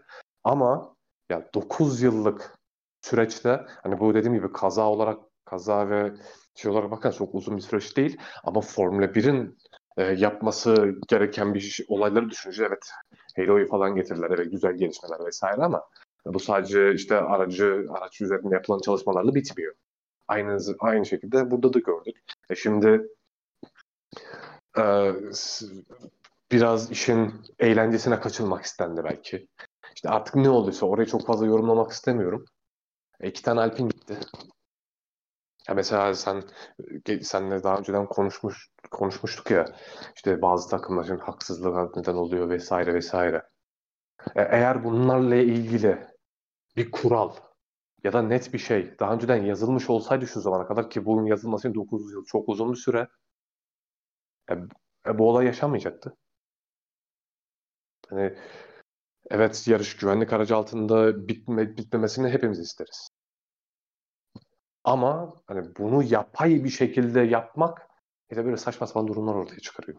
Hani bunun eğer altında kurallara doldurmazsanız bir yarış direktörü gelir bir hafta, bir hafta sonra farklı bir karar verir. Bir yarış direktörü gelir ondan sonra birisi atak yapsın, birisi yapmasın, işte bir turunu alsın, birini almasın der. Öbürü der dur ya bir tur daha zorlayalım der. Yani onun için bu buna net bir şekilde e, bir düzeni oturtamazsın. Yani dediğim gibi e, tamamen hepsi her şeyin önüne geçilmesi bence çok mümkün değil. Çünkü dediğim gibi hani bazı şeyler görüldükçe üstü e, yani görüldükçe işte kural dökülüyor ya da işte yasaklar geliyor vesaire. Ya onun için ya bu konuda ben Formula 1'i Formula 1'in çok eksik kaldığını ve sorunların en büyük kısmından bu nedenle çıktığını düşünüyorum. Hani takımların verdiği karar, karar bence çok doğru. Hani yarışma vesaire. Ama bu konuda FIA'nın kuralları tamamen yetersiz. Ağzına sağlık. Ee, ya yok abi aynı şeyleri söyledik zaten. Ha, tekrar üstüne basarak söylüyorum. Evet abi Koray'ın son söylediği şey çok doğru yani son birkaç cümlesinde anlattığı şey. Ya bir karar aldıysanız da söyleyin abi. E belki de aldılar mesela biz bilmiyoruz. Belki FIA dedi ki yarış e, direktörüne işte Witt'e abi winch çıktıysa kırmızı bayrak sok. Ama bize de söyleyin abi. Rule 47. Rule for at 47. kural. İşte kırmızı bayrak çıkartıldı. Çünkü 47. Due to the Rule 47 diye bir mesaj geçersin. Bitti ya. Red, red flag is deployed due to Rule 47 ya da according to Rule 47. Yani çok zor bir şey değil ki bu. Hani aldıysanız da bize söyleyin abi. Yok çakıl girdi, yok lastik girdi. Ha. Bu iki. ikincisi içinde değil ki. 78. kural işte takımlar arasında yapılan anlaşma gereğince ve işte FIA'nın da onaylamasıyla yarış eğer mümkünse yarış direktörünün kontrolünde yarışın yeşil bayrak altında bitirilebilmesi için gerekli kararlar alınır. Kırmızı bayrak çıkartmak gibi. Rule 77 mi bu da abi? İşte red flag is ne? Red flag is deployed due to rule 77, 78 neyse. Ya bu, bu basit, zor bir şey değil ki. Millet de der ki ha tamam abi işte yarış yeşil bayrak altında bitsin diye çıkartılmış. Lan gizlice mi anlaşıp yapıyorsunuz bunu? Gizlice, gizliliği de kalmadı ki. Anlattı Michael Massey. Eski yarış direktörünüz anlattı. Adam kendi söyledi abi biz bu kararı aldık. Advisory Committee'de diye. Gizli mi alıyorsunuz kararları? Aranızda mı anlaşıyorsunuz? Ya aranızda anlaşmak diye bir şey kalmadı çünkü yani o 2021 Abu Dhabi'den sonra. Eğer öyle bir şey yapıyorsanız. Yani, yani open secret artık bu secret da değil de. Hani a, a, söylesene abi yani niye çıkarttın? Salak salak insan kandırıyorsunuz. En sinir olduğum nokta orası yani. Çakıl çıktı, lastik parçası var. Abi niye insan kandırıyorsunuz ya? Bak şeyi geçiyorum dediğin gibi. İşte yeşil bayrak. Tabii ki bence de yeşil bayrak altında bitsin.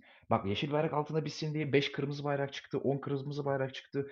Bu saçmalık mıdır, değil midir, böyle mi yapılmalıdır, yapay mıdır, olmalı mıdır? Bak oralara bile gelemiyorum. Oraların tartışmasını yapabilmem için önce alınan kararın da düzenli bir şekilde uygulanması gerekiyor ki biz karar etik olarak doğru mudur değil midir tartışalım. Daha karar uygulanmıyor ki adam gibi.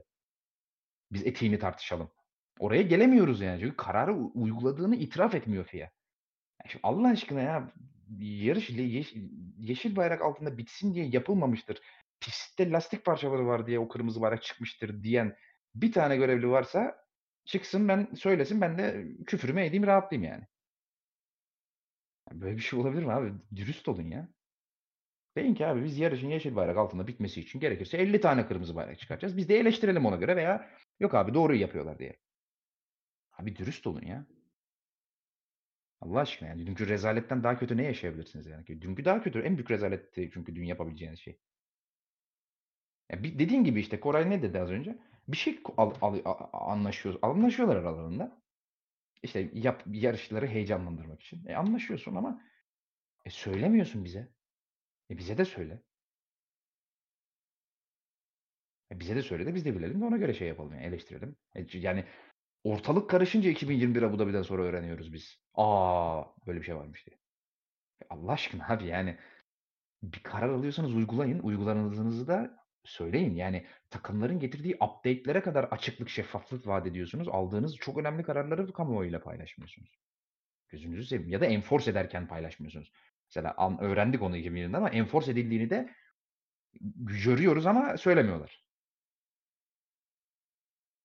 E gördük abi işte yani Magnussen'e kırmızı bayrağını. E, uyguluyorsunuz ama söylemiyorsun. Söyleyin abi. Ondan sonra Sainz çıkıyor der ki üçüncülüğüm gitti. Haksızlık. Puan alamadım. E dediğin gibi Alpin zaten sıçtı. Alpin, Alpin gitti yani. Ki sezon yarışın açık ara en hızlı dördüncü takımıydı. Abi yani Allah aşkına. Takımlar da ona göre, pilotlarla takımlar da ona göre pozisyon alsınlar. İtiraz etmesinler. Haas şey itiraz etti mesela. Haas'ın itirazıyla uğraşıyorsun sen. Haas komple sıralamaya itiraz etti klasifikasyona dön. Saat yarıştan 5-6 saat sonra açıklandı karar. Haas'ın itirazı reddedilmiyor. Ha, yarış hakemlerine de iş çıkartıyorsun. Kendine de iş çıkartıyorsun. PR açısından da rezalet. Yani Haas niye itiraz ediyor abi yarış klasifikasyonuna? E çünkü söylemiyorsun adama aldığın kararı niye aldığını. Aldığın kararı niye aldığını söylemezsen adam itiraz eder. Abi Allah aşkına bunlar çok basit şeyler. Bu kadar basit şeylerin uygulanmaması hakikaten çok komik ya. Neyse inşallah düzeltir ne diyeyim. Eklemek istediğim bir şey var mı bu konuyla ilgili? Mikrofonu kapalı eğer bir şey söylüyorsan. Mikrofonu açamadım. Sabahtan beri Windows tuşuna basıyormuşum. Yok abi konuştuk zaten yeterince. Tamam. Evet bence de daha fazla insanların kafasını artmayalım aynı konuyla. Anlı, anlayıcı, anlamışlardır diye nerede durduğumuzu tahmin ediyorum. Ee, bir yarışla ilgili söylemek istediğin başka bir şey var mı? Çünkü diğer yarış dışı genel konuşmak istediğim birkaç konu var. Onlara geçeceğim. Abi e, yarış bitmeden önce biraz takım performanslarında bir iki dikkat edecek şey var. Onlardan bahsetmek istiyorum. Ee, geçen geçen podcast'te biz Mercedes'le ilgili işte konuşmuştuk işte fabrikada e, olumlu haberler geldiğine yönelik.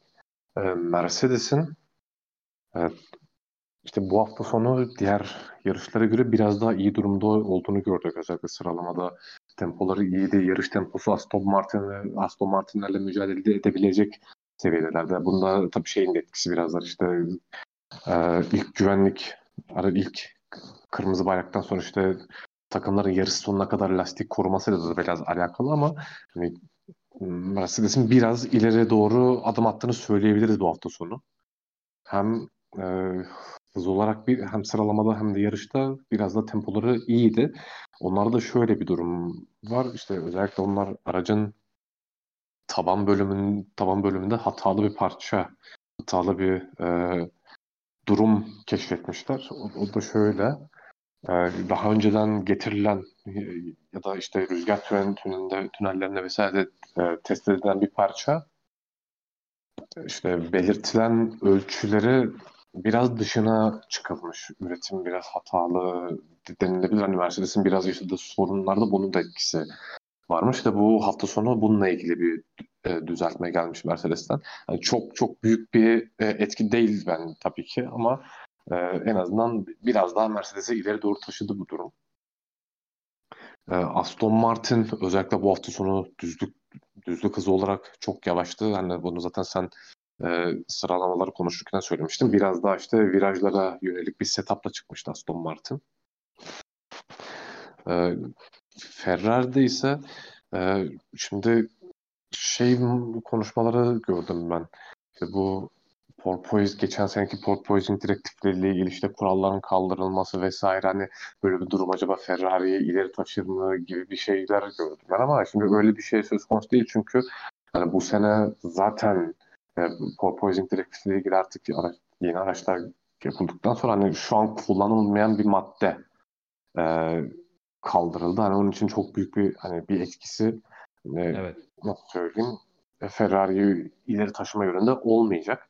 E, Şöyle Ferrari- anlatalım onu, e, dilersen lafını böleyim. Bir madde vardı geçen sene ortasına getirilen takımların e, ne kadar por- porpoising yaşadıkları e, tespit edilip e, FIA tarafından bunlar e, toplanıp ona göre yeni sezonda 2023 sezonu için porpoising ile ilgili yeni kurallar, porpoising'i kısıtlamak için yeni kurallar getirilecekti. İşte o takımların ne kadar porpoising yaşadığıyla ilgili verilerin toplanmasını içeren madde kaldırıldı.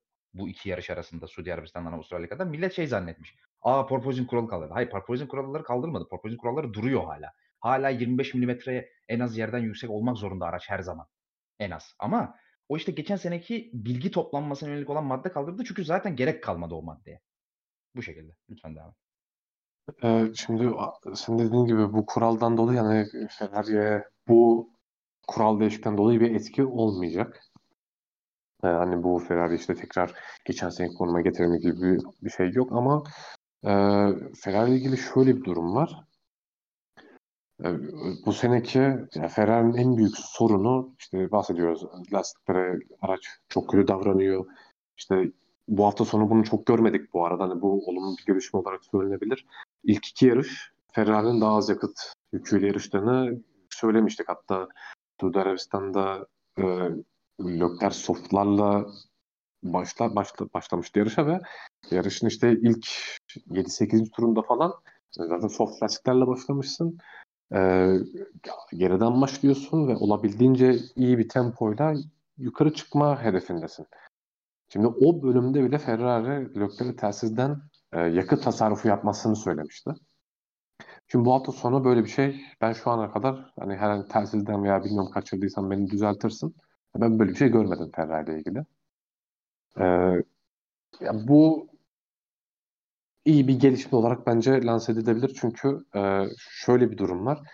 E, Ferrari'nin işte bu hatalı durumu vesaire görüp onun hatta Sainz'ın da bu yönde açıklamaları vardı. İşte araçtaki temel sorunlar işte e, neden bu kadar çok arka, arka lastikleri harcına dair işte soruluyor. E, Carlos Sainz'e. Carlos Sainz işte araçla ilgili bir iki temel problemimiz var. Hani problemin ne olduğunu biliyoruz. Yani bunu çözmeye çalışıyoruz gibi bir açıklama yapmıştı bu, bu hafta sonuna gelinmeden önce. Şimdi bu şu şöyle bir etki edebilir. Şimdi Ferrari'nin bu hafta sonu normal Ferrari'nin bu hafta normal bir yarış geçirmedi. Ee, ve bundan önce de e, bu hafta sonuna gelmeden önce Ferrari'nin 3 ana güncelleme geleceği ve 2024 aracında da e, Red Bull konseptini özellikle sidepod tasarımında Red Bull konseptini kullanacağını söylemişti. Şimdi bu e, haberlerden sonra Ferrari arka kanatta e, sidepodlarda ve aracın tavan kısmına Imola'ya güncelleme getirecek. Bundan sonraki yarış Imola mıydı bu arada? Hayır abi Bakü. Bakın ya Imola'da böyle bir bu, bu güncelleme gelecek. Şimdi bu hani sezonu kurtarır mı dersen ben benim için çok inandırıcı bir durum değil. Ama e, çünkü hani e, lastik koruma mevzusu ya da lastikleri çok fazla harcama durumu aerodinamikten çok biraz daha mekanik yol tutuşla alakalı. Çünkü evet aerodinamide çok büyük etki eder ama işte e, bu arada aynı zamanda süspansiyon güncellemesi gelecek arka tarafta Ferrari'ye. Şimdi e, Taban da gelecek abi. Aynen taban, süspansiyon, arka kanat. Yani arka kanat ve şey e, sidepod güncellemesi. Şimdi e, evet lastik koruma mevzusu aerodinamiğiyle de açıklanabilir ama burada daha fazla etki edecek durum mekanik yol. Şimdi bu mekanik yol en çok etki edecek parçalardan biri de süspansiyon. Eğer Ferrari'nin işte Sainz'ın ve Ferrari'den yapılan açıklamalar doğru açıklamarsa inandırır, inandırır. Çünkü yani genelde böyle açıklamalar işte ya evet biz içindeyiz işte pes etmeyeceğiz. Ya böyle ya, açıklamaları her zaman duyuyoruz. Hani sonuçta geçen sene işte Mercedes çok kötü 2 saniye gerideyken sezon ortasında sezon başlarında diyor mu ya biz bu sezonu bırakacağız. Tam tersi aracı geliştirmeye, sorunlarımızı bulmaya devam edeceğiz ve Ya bunu da gördük sezon ortasına kadar. E şimdi aynı şeyi Ferrari'den görüyoruz. Ve eğer bahsedildiği gibi direkt olarak aracın konseptinde bir problem yoksa çünkü işte geçen sene Ferrari biraz daha fazla, daha iyi, verimli downforce üreten, bu sene de biraz daha o downforce düşürüp daha hızlı olmaya çalışan bir araç olarak gördük. Bu tamamen bir değişik olarak sayabiliriz bunu. E bunu ne kadar tutturabilecek? Bu en kritik soru işareti. Eğer sorunu buldularsa işte biraz önce dediğim gibi mekanik yol tuşu en çok etki eden parçalardan işte süspansiyon, tavan da buna sayabiliriz. Ee, Ferrari dediği gibi durum olursa hani bu Ferrari için umut verici bir gelişme. Bu sezon için olmasa da gelecek sezon için umut verici bir gelişme. Ee, ne kadar hani bu şey demek değil bu arada işte Ferrari şampiyonluğa yarışmaya dönecek vesaire demek değil. Ama hani Ferrari'yi bundan sonra biraz daha iyi durumda görebiliriz Imola'dan sonra. Yarışta ekleyeceğim ekstra şeyler bunlar. Teşekkür ederim. Söylediklerine belki bir şey destekleyici açıklamalarla eee, ben de tamamlayayım. Eee, Ferrari ile ilgili Sainz şöyle bir şey söyledi. E, hafta sonuna girilirken daha ilk antrenman eee, dahi başlamadan önce. Bu hafta sonu yarış tempomuza odaklanabilmek için farklı bir setup deneyeceğiz dedi. Sıralamamızdan belki biraz feragat edebiliriz. Ama eee, yarışta çok daha iyi ol- durumda olacağımızı düşünüyoruz. Bir iki yani ilk iki yarışa göre dedi. Ki bunu da gördük aslında. Leclerc'den göremesek de hani Sainz yarışa göre ilk iki yarışa göre daha da iyiydi. Tabii bunun sebebi işte Eee, havanın soğuk olmasından olabilir, pist kaynaklı olabilir veya, işte, belki bu değişikliğin işe yaramasından da lastiklerin daha iyi kullanabileceğini, aracın lastiklerini nasıl daha iyi kullanabileceğini anlamalarından da kaynaklanıyor olabilir. Göreceğiz, eee, önümüzdeki yarışlarda. Yine Mercedes'le ilgili söylediğin şeylerde de yine aslında benzer bir durum söz konusu. Onlar da, eee, hem pilotlardan, Russell'dan hem de, eee, Toto Wolff'ten açıklamalar vardı ve, işte, onlar da aracı daha iyi anladıklarını bu hafta sonuna gelinirken ve, işte, eee herhangi bir güncelleme getirmemiş olsalar da, eee, setup değişiklikleriyle beraber burada daha hızlı olacaklarını beklediklerini söylediler ki oldular. Eee, o beklenen değişikliklerin de o Mercedes'in neredeyse işte B şasisi denilen, hani, işte, o köklü, eee, güncelleme paketinin de yine, işte, Imola'ya geleceğini tekrarladı, eee, Toto Wolff. Emm Mercedes'le ilgili Alonso'nun ve Alonso'nun ve Sainz'ın enteresan demeçleri vardı. Özellikle Alonso'nunki çok konuşuldu. Eee, sıralama turlarından sonra bir demeç verdi Alonso ve dedi ki, eee, Mercedes dedi çok yavaş olduklarını söyleyip duruyorlar dedi. İşte hiç memnun değiller. Gelecek seneye odaklanacaklarını söylüyorlar falan dedi ama hiç de öyle yavaş değiller dedi. Gayet hızlılar dedi. Sainz de benzer bir demeç verdi. Mercedes hiç söylendiği kadar yavaş değil dedi. Bu biraz konuşuldu. Yani biraz özellikle Alonso'nun söyleyiş tarzından biraz sanki Mercedes'e algı oyunu yapıyormuş gibi yalan söylüyorlarmış gibi hani tabiri caizse biraz abartıyorlarmış gibi bir temkar bir tarzı vardı Alonso'nun açıklamalarında özellikle. Onu da bir dipnot olarak belirteyim. Eee, yine Alonso'nun açıklamalarıyla ilgili bir şey daha söyleyeyim ama tam tersi pozitif bir not olarak Mercedes'le ilgili. Hamilton'ı çok övdü yarıştan sonra Alonso ve dedi ki yani yarış boyunca sürekli farklı şeyler denedim işte farklı taktikler denedim DRS'sine girip ona atak yapma fırsatı bulabilmek için ama hiçbir işe yaramadan hiçbir şekilde beni kendisine yaklaştırmadı. Gerçekten yani niye büyük bir şampiyon olduğunu gösterdi dedi. Oldukça övgü dolu sözler sarf etti Hamilton. Şey, Alonso Hamilton'la ilgili.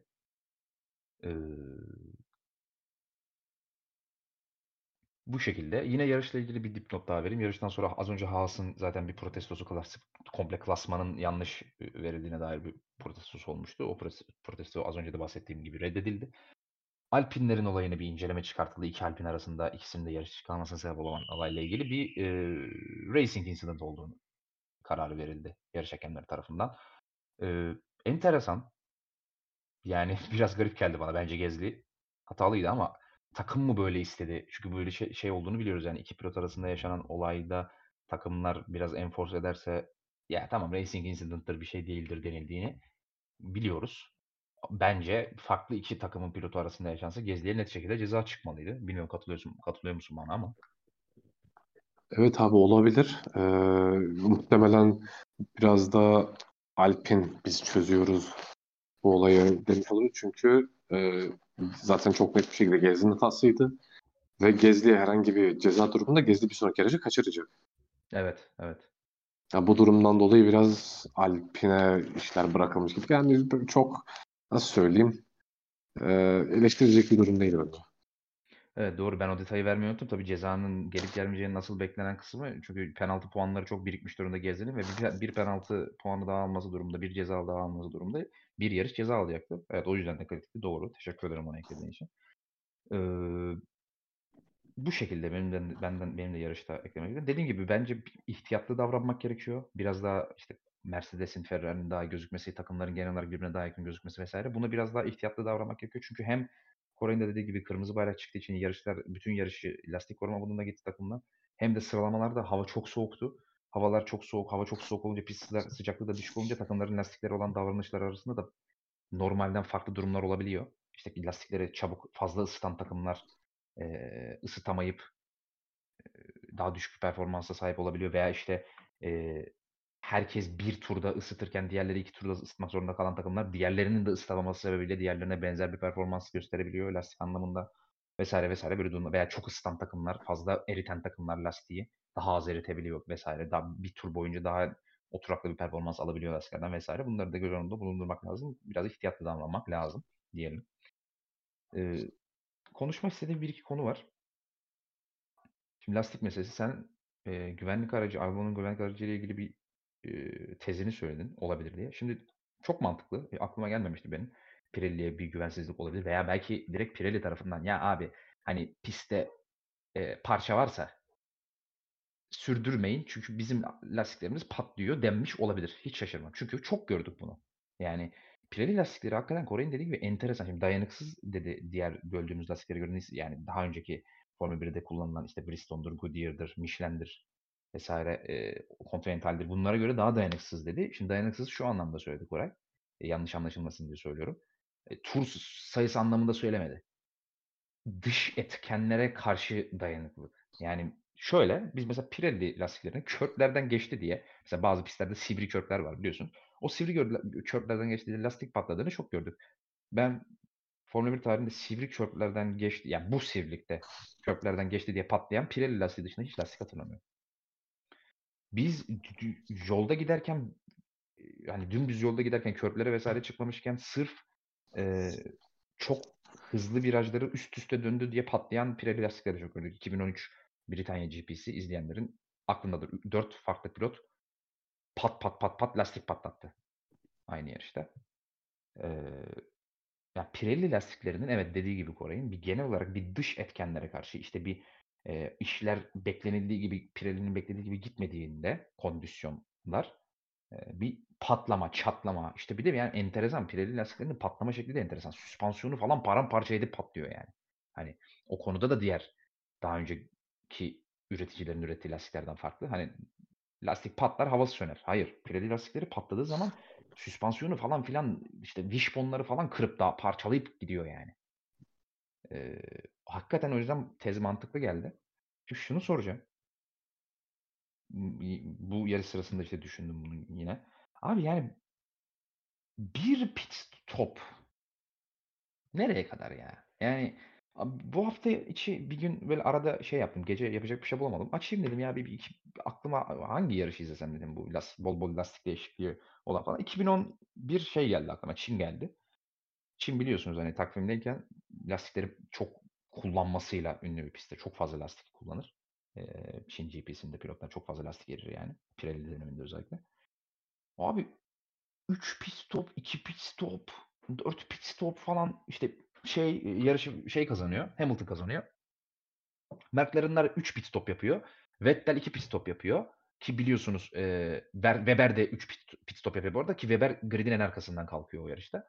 Weber gridin en arkasından kalkmasına rağmen 3. bitiriyor. Vettel'in bir, sadece birkaç saniye arkasında. Neredeyse Vettel'i de geçecek yani. Ki takım arkadaşı Vettel polden kalkıp 2 pit stopla bitiriyor yarışı. Hani mesela bakın şey farkına bak. Ki 2011 aracını Red Bull aracının ne kadar hızlı olduğunu diğerlerinden hatırlarlar izleyecek olanlar. Hatırlamayanlar da açıp bakabilirler sıralama sonuçlarına vesaire.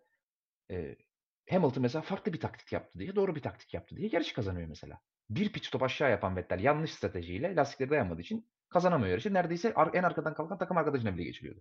O arayla bile. Bu ne güzel mesela. Farklı stratejiler. iki yapan var, üç yapan var.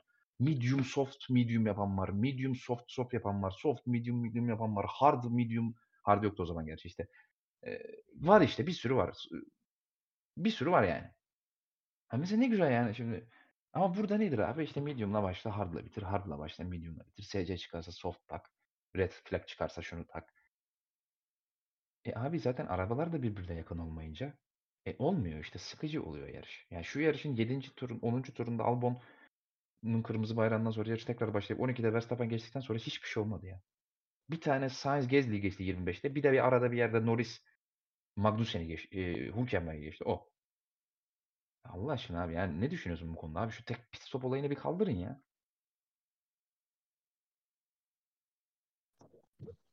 Abi tek pit stop olayı maalesef kalkması zor. Şimdi zaten hani bu Pre- Pirelli ile alakalı işte takım takımlarla alakalı ya şimdi şöyle bir durum var. Ee, Pirelli zaten hani Formula 1'e ilk geldiğinden beri işte işte nasıl lastik üretebileceğine tamamen karar verebilmiş bir üretici değil. Hani bunda Pirelli'nin de işte 2012-2013 senelerinde çok çok kötü lastikler üretmesiyle de alakalı işte takımlara işte mesela bu Azerbaycan'da işte Verstappen'in lastik patlatması, Bottas'ın lastik patlatması gibi ya da ne bileyim sizlerin verdiğin Silverstone örneği.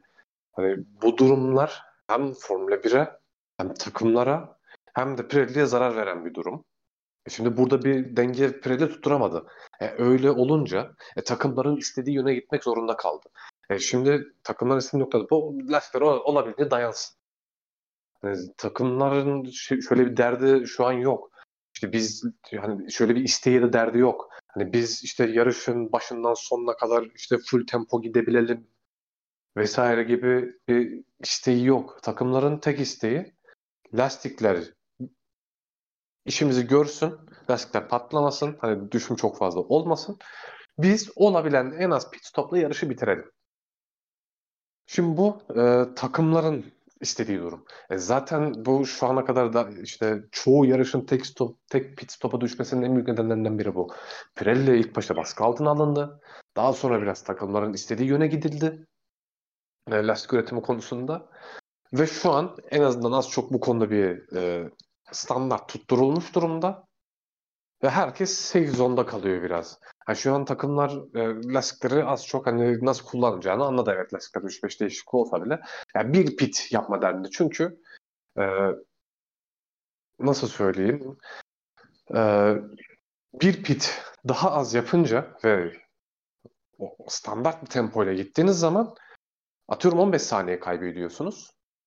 Ama yarışı bitirebiliyorsunuz. Ekstra pit yapıyorsunuz. Daha yüksek tempoda gidiyorsunuz. 20 saniye kaybediyorsunuz. Yani 5 saniye size artı yarış zamanında yazıyor. Daha az pit yapmak. Şimdi buradaki ya en büyük çözüm şöyle olabilir. Ya bu yani istemeyecek bir durum. Yani şu an takımlar da biraz bu durumu istiyor. Çünkü takımlar çok fazla pit yapmak dur hani pit yapmamak takımların biraz daha işine geliyor. Çünkü bunu daha önceden de gördük. İşte Pirelli'nin işte bu turbo hibrit çağında da hani şey hani yine biraz daha iki pit iki pit vesaire durumları oluyordu fakat e, takımlar e, daha tek daha az pit yapmanın işte daha standart tempoyla gitme daha hızlı olduğunu keşfettikten sonra artık bütün takımlar bunu kullanıyor. Şimdi bunun değişmesi için e, bir kere Pirelli'nin lastikleri üretirken evet tabii ki takımlarla birlikte çalışacak ama bu takımlar bu, bu durumda kesinlikle takımlara uymaması lazım. Yani burada Pirelli'nin lastik üretme konusundaki sıkıntılarından bahsetmiyorum. O çok başka bir konu. Ama yani, üretim felsefesi konusunda böyle bir sıkıntı var. Ee, özellikle pit stopları arttırma konusunda. Yani şu durumda ben Pirelli döneminde pit stopları hani Pirelli burada kalmaya devam ettikçe yani bu durumun ben değişeceğini zannetmiyorum. Yani buradaki en büyük e, bu 2025'te mi değişiyordu? Galiba yanlış hatırlamıyorsam 2025 ya da 22, 26 sezonunda yeni lastik üreticisi, üreticisi gelebilecek Formula 1'e. Hani e, bu konudaki tek farklılık en erken herhalde o zaman olabilecekmiş gibi görünüyor. E, o zaman da ya bilmiyorum hani benzer bir durum olmaması için ya bu da çok sağlıklı bir durum e, olmayabilir işte haksızlık vesaire ya durumu da düşünebilir ama iki üreticiyle durumu ben gerçekten savunmaya başlayacağım sanırım. Çünkü en azından e, tek düze olmaz pit stoplar. Ve aynı zamanda lastik olarak da e, işin içine farklı bir strateji girmiş olur. Biraz da şöyle bir durum var. Takımlar hafta sonu doğru lastiği seçmek se- se- seçebilirler. Hani şöyle söyleyeyim. Yani doğru lastiği seçip seçmemek kendi elinde olacak takımların. Ha, bununla ilgili atıyorum şöyle bir şey gelebilir.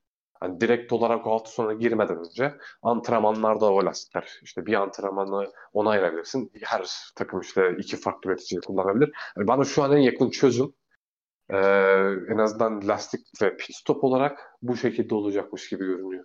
Hani öbür türlü ben e, hani biraz önce bahsettiğim nedenlerden dolayı hem Pirelli'nin yani lastik üretiminde güven kaybı, takımların çok fazla güvenmemesi hem de takımların hani lan bir şey tutturdun artık hani bunda devam et başka bir şeyde karışma tutumu.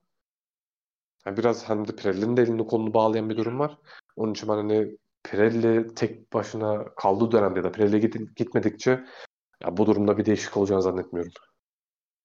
Zaten burada bir şey yapması gereken taraf Pirelli değil. Pirelli zaten şunu diyemiyor. Ya abi yarışlar tek pit sıkıcı oluyor. Biz bunu iki pit, üç pit yapacak kadar yumuşatıyoruz lastikleri. Bu karar Pirelli almıyor zaten bunu. FIA diyor ki abi siz şu iki pit istiyor.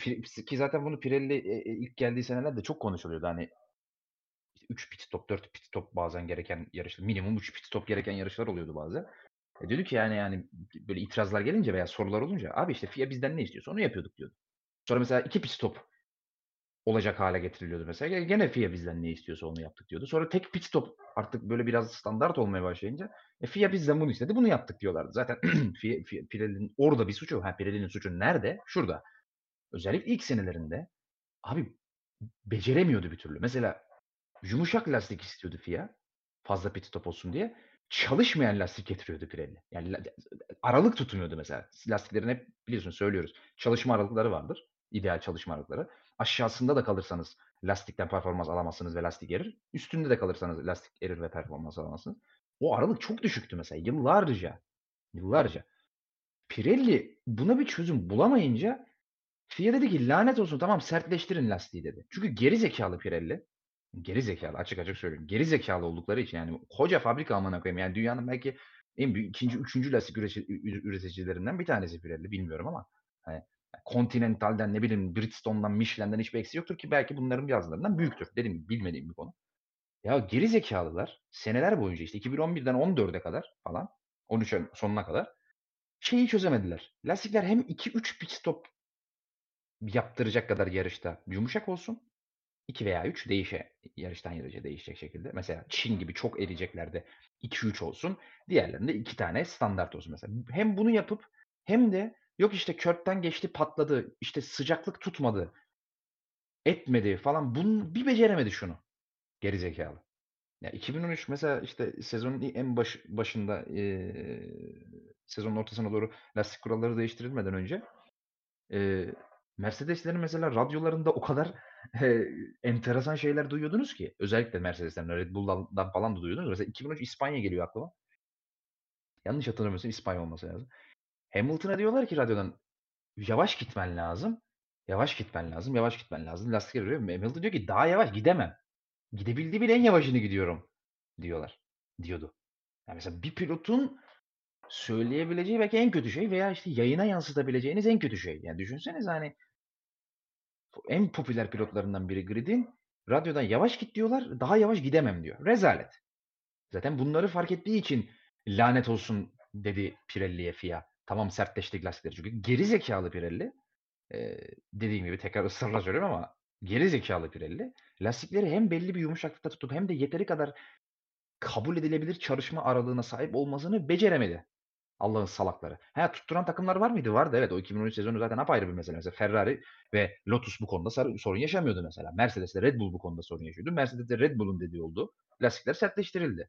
Ha ama tabii işte bunu tamamen şeye bağlamak istemiyorum. Şey, şey demek çok kolay. Ya işte Mercedes Red Bull ağladı diye Ferrari ile Lotus veya diğer takımlar göt altına gitti. E, bu çok kolay kaçmak olur. Şimdi dediğim gibi PR açısından da rezalet bir durum var. Yani işte radyodan pilotun, radyodan bir pilot daha yavaş gidemem diyor. Sürekli yayına bir yarış boyunca 50 radyo yansıyorsa 20 tane, 30 tanesinde yavaş git, yavaş git, yavaş git. İşte yarış bitiyor, pilotlar çıkıyor diyor ki böyle Formula 1 olmaz. Bütün yarış yarım gaz gitmek zorunda kalıyoruz falan. Tamam, ben bir şey demiyorum. Evet. Ama bunun çözümü buna karşılık işte çözemeyince Tamam abi sertleştirin lastikleri dediler. İşte 7 senedir, 8 senedir de sert lastiklerle yarışıyoruz. Eee yani şimdi arıyoruz ya bir sağa sola bir saldırıyoruz hani ulan bu yarışlar niye heyecanlı geçmiyor falan. Özellikle de grid birbirinden açık olduğu zaman bir takım diğer diğerlerinden çok uzun farkla çok ciddi farkla önde olduğu zaman şu an olduğu gibi. E bu yüzden geçmiyor. Çünkü e, taktiksel açıdan da takımların eline bir şey vermiyorsun ki. Medium hard, medium hard, medium hard, medium hard. E, yakıt, yakıt ikmali yok. Eskiden gene tek hatta belki zorlasam bir lastik yarışı da bitiriyordu Bridgestone döneminde ama veya Michelin Bridgestone aynı olduğu dönemlerde ikisinin birden olduğu veya işte Goodyear Bridgestone dönemlerinde ama e, yakıt ikmali vardı. Gene iki, iki pit stop minimum oluyordu.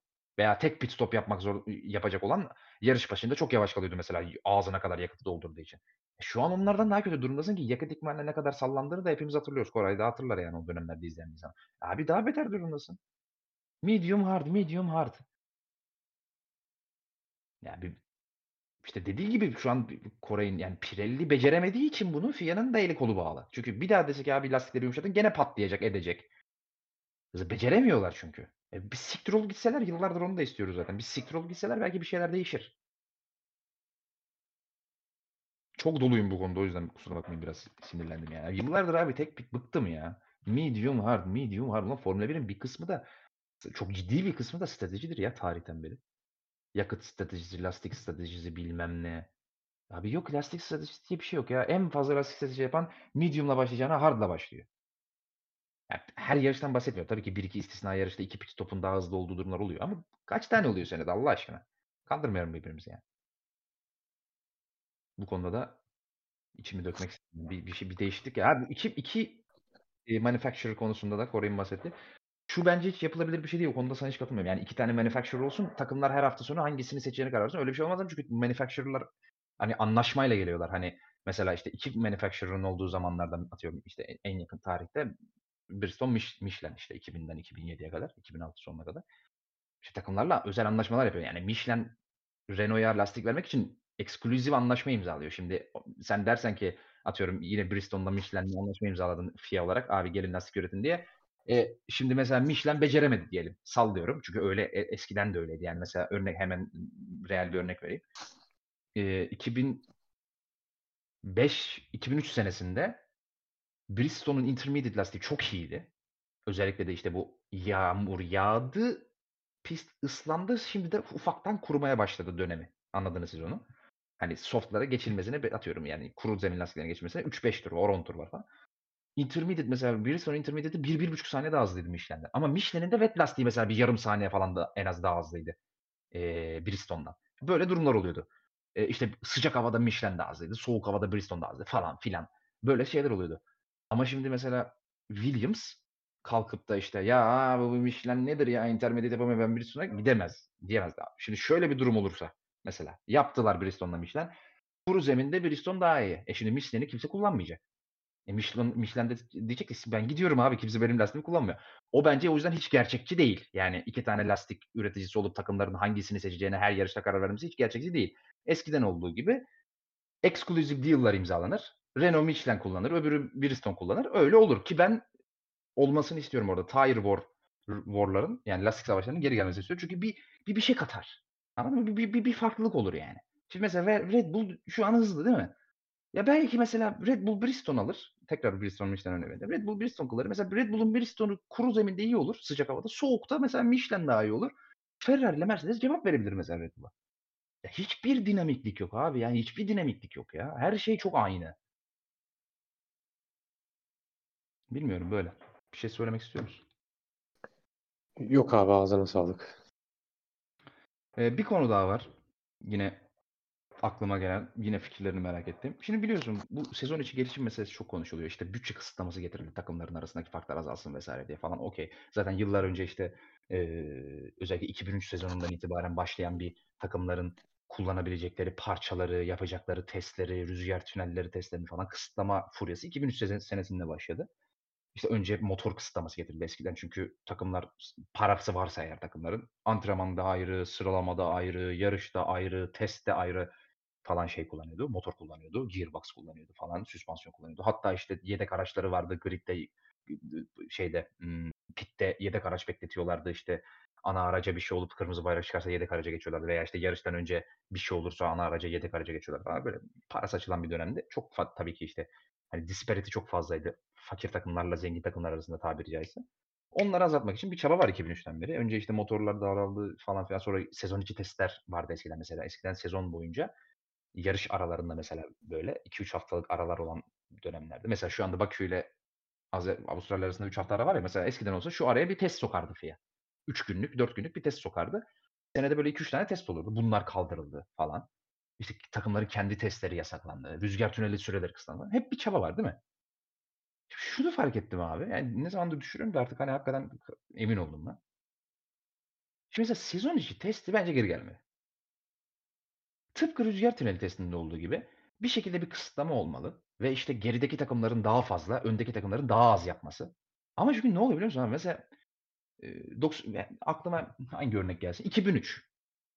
2003'te Williams çok iyi başladı. Sezon. Ya iyi başladı. Çok iyi demeyelim. En hızlı araç değil ama iyi başladı. Sezon ortasında olduğu en hızlı araç oldu. Sonra o hızı kaybetti. Veya işte yine 97 sene bakın daha da ekstremi geldi aklıma. 97 senesinde işte Damon Hill 96'da Williams'la şampiyon olduktan sonra Eros'a geçti. Çok kötü başladı Eros sezona. Ee, hiç hazırlanamamış. Yani 5 saniye falan yavaşlardı Williams'lardan ilk yarışta. Abi sezon içerisinde gelişe gelişe gelişe sezonun son yarışı Herez'in sıralama turlarında 0.050 saniye gerisindeydi sadece pole pozisyonundan Damon Hill. O kadar geliştiler yani. Yani çok ekstrem bir örnek olsa. Abi anlıyorum. Evet takımlar birbirine yaklaşsın diye kısıtlamalar getirdiler. Evet ama sezona kötü başlayan aracın öndekini yakalama imkanı olmuyor abi böyle olduğu zaman. O yüzden ben hani bir öneri olarak beni dinliyorsa eğer buradan FIA. Abi beni dinleyin bak. Öneri sunuyoruz size. Sezon içi testlerini geri getirin. Ama şey değil. Resmi FIA testi değil. O istiyorsanız onu da yapın ama bence o değil. Takımların kendi arabalarını pistlere çıkartmasına izin verin. Yani değil ki mesela işte geçen sezonu birinci bitiren bütçe kısıtlamasında öyle ya şimdi. İşte rüzgar tünelini geçen sene en altta bitiren takım en fazla kullanıyor. En üstte bitiren en az kullanıyor. Aynısı nerede ki geçen sene en üst en altta bitiren takım ım, sallıyorum 200 saat. Çok mu oldu? Biraz abart. Yok tur tur vereyim saat biraz fazla oldu. Mesela ya 500 tur atabilir senede senede. Şampiyon bitiren takım 200 tur atabilir senede. Ama bir, bir, bir getirin abi çünkü olmuyor yani. Sezon içerisinde takımlar yaklaşamıyor birbirine. Eskiden böyle değildi arkadaşlar. Eskiden sezona kötü başlayan takım yaklaşabilirdi. Şimdi bunları da görmüyoruz çok fazla. Red Bull'u kimse yakalayamayacak biliyoruz mesela. Burada bence bir kuralların bir dezavantajı da var yani sezon. Bence kurallar şu andaki kural seti sezona iyi başlayan takımı çok fazla ödüllendiriyor. Ben böyle düşünüyorum. Bu konuda da fikirleri almak istiyorum. Abi katılıyorum. Ya şöyle bir durum var. Şimdi aslında yani şimdi test olayını biraz şöyle açayım ben. Şimdi mesela takımlar sezon içinde test yapabiliyor ama hani bu lastik test değil aslında sınırlı. Evet takımlar kendi verilerini topluyor ama hani eski araçla yapıyorlar. Bu e, hani çok nasıl söyleyeyim e, bu konuda verimli bir durum değil. Evet hani lastik testleri işte gelecek sezonki e, durumu etkileyebilir. Yani böyle bir durum var ama Hani senin atıyorum bir günde attığın, iki, yaptığın iki saatlikte şimdi her takıma veriliyor bu. Hani gelecek sezonki lastikleri anlamak için. E bunu e, daha eski bir araçla yapıyorsun. E, mesela bu sene görüyoruz ki e, o kadar testlere rağmen bu sene mesela o kadar test olmasına rağmen lastikler çalışmayabiliyor. Boş abi boş o test çok boş. Evet işte onu anlatmaya çalışıyorum. Şimdi hani sezon içinde evet bir test var ama takımların bu sezon içinde gelişip hatta bunu gele- gelecek sezona aktarabilmesi için yeterli bir test durumu değil. Aynı zamanda şimdi sen şey söyledin işte takımların e, sezonu e, şu anki kurallar sezonu iyi başlayan takımı ödüllendiriyor diye. Ya şimdi biz hep mesela şunu konuşuyoruz işte gelişim yarışı işte e, evet önemli ama hani sezon içinde bununla ilgili çok fazla bir değişiklik gö- görmüyoruz. Şimdi eğer senin biraz önce bahsettiğin gibi daha farklı işte gelişim çalışmaları işte sezon ortasındaki testler vesaire böyle durumlar olsa şimdi atıyorum aynı zamanda e, hem işte bu seneki rüzgar tüneli çalışmaları gibi işte en alttaki takım daha çok kullanıyor vesaire. Aynı zamanda şöyle durum var. Şimdi Red Bull'un bu sene cezası var. İşte rüzgar tüneli testlerini vesaire diğer takımlara göre daha az kullanıyor. Yani hem zaten şampiyon olduğu için daha az kullanıyor. İşte cezadan birlikte çok daha az kullanıyor. Şimdi bu tamamen sezonu değiştirebilecek bir şey olabilirdi mesela. Ya bu sezon içindeki test olur ya da ne bileyim işte gelişim yarışı ile ilgili herhangi bir farklı bir şey olabilir. Ya da işte e, parçalarla ilgili işte yani ya bu, bunun çok açık. Hani bir sürü hani sadece testlere ilgili bir sürü şekilde bu yapılabilir. Ama hani şu anki ya mesela sen işte geçmişteki örneği verdin ama şimdi geçmişte şöyle bir durum var aynı zamanda. Ee, o zamanki dönemlerde hem işte mekanik olarak, aerodinamik olarak vesaire hata payı çok daha fazlaydı. Ee, şimdi evet böyle sezon ortasında testler getirebilir. Bu işe biraz daha işi ilginçleştirebilir ama ben %100 çözüm olabileceğini zannetmiyorum. Çünkü dediğim gibi geçmiş senelerde işte hem teknolojinin durumu hem de işte takımların durumu vesaire hata payı çok daha fazlaydı. Hani ta, ilk başta şu an mesela sezon başına iyi bir araç getirme olasılığı işte bundan 20 sene öncekine göre çok çok daha fazla doğal olarak. E şimdi öyle olunca takımların sezon içinde gelişme ihtimalleri daha fazla artıyor. Çünkü bir hata var eğer o hatayı çözerseniz hızlanırsınız. Ve durumla, sezon içinde durumlar değişebilir. Hani biraz daha değişkenliği işte teknolojinin durumuyla birlikte biraz daha değişkenliği açık bir durum vardı. Ama şimdi hani bunu işte mekanik olarak da görüyoruz, aerodinamik olarak da görüyoruz. Bu hata payı çok daha aza indirgenmiş durumda. Ya hele ki işte mesela şimdiki Red Bull'dan örnek veriyorum. Yani muhteşem bir profesyonel çalışma ve vizyondan bahsediyoruz devamlı. E şimdi bu Red Bull hata payı daha az üretir. Ya da ne bileyim işte bundan önceki Mercedes işte motor e, turbo hibrit çağının başlarında işte motor çok daha fazla ön plana çıkmışken ve Mercedes bunun temellerini çok önce atmışken hata payları diğer takımlara göre biraz daha az olduğu için ya böyle bir araç üretir. Ya onun için ben bunun e, evet getirilirse iş ilginçleşebilir ama yani ya çözüm olacağını evet hani ya şöyle söyleyeyim Mesela işte biraz önce işte Mercedes'in Suudi Arabistan'da Suudi Arabistan'ın işte ciddi Grand Prix'sine gelmeden önce araçta bir hata bulduğundan bahsettik. İşte Ferrari'nin aracın tabanında bir hasar ya da bir hata olduğundan bahsettim. İşte ya da işte mekanik olarak bir sorun olduğundan bahsettim. Atıyorum sezon ortasında şimdi bu sezon ortasında çok kolay çözülecek şeyler değil. Yani çözülse bile atıyorum şu an Red Bull'un hızına gelseler Red Bull da zaten şu anki durumun üstüne koyacağı için yani o fark tamamen kapanmış olmayacak. Evet yaklaşabilirler ama lider takım yerini koruyacak. Yani burada böyle bir değişim olmayacak. Çok büyük ihtimalle.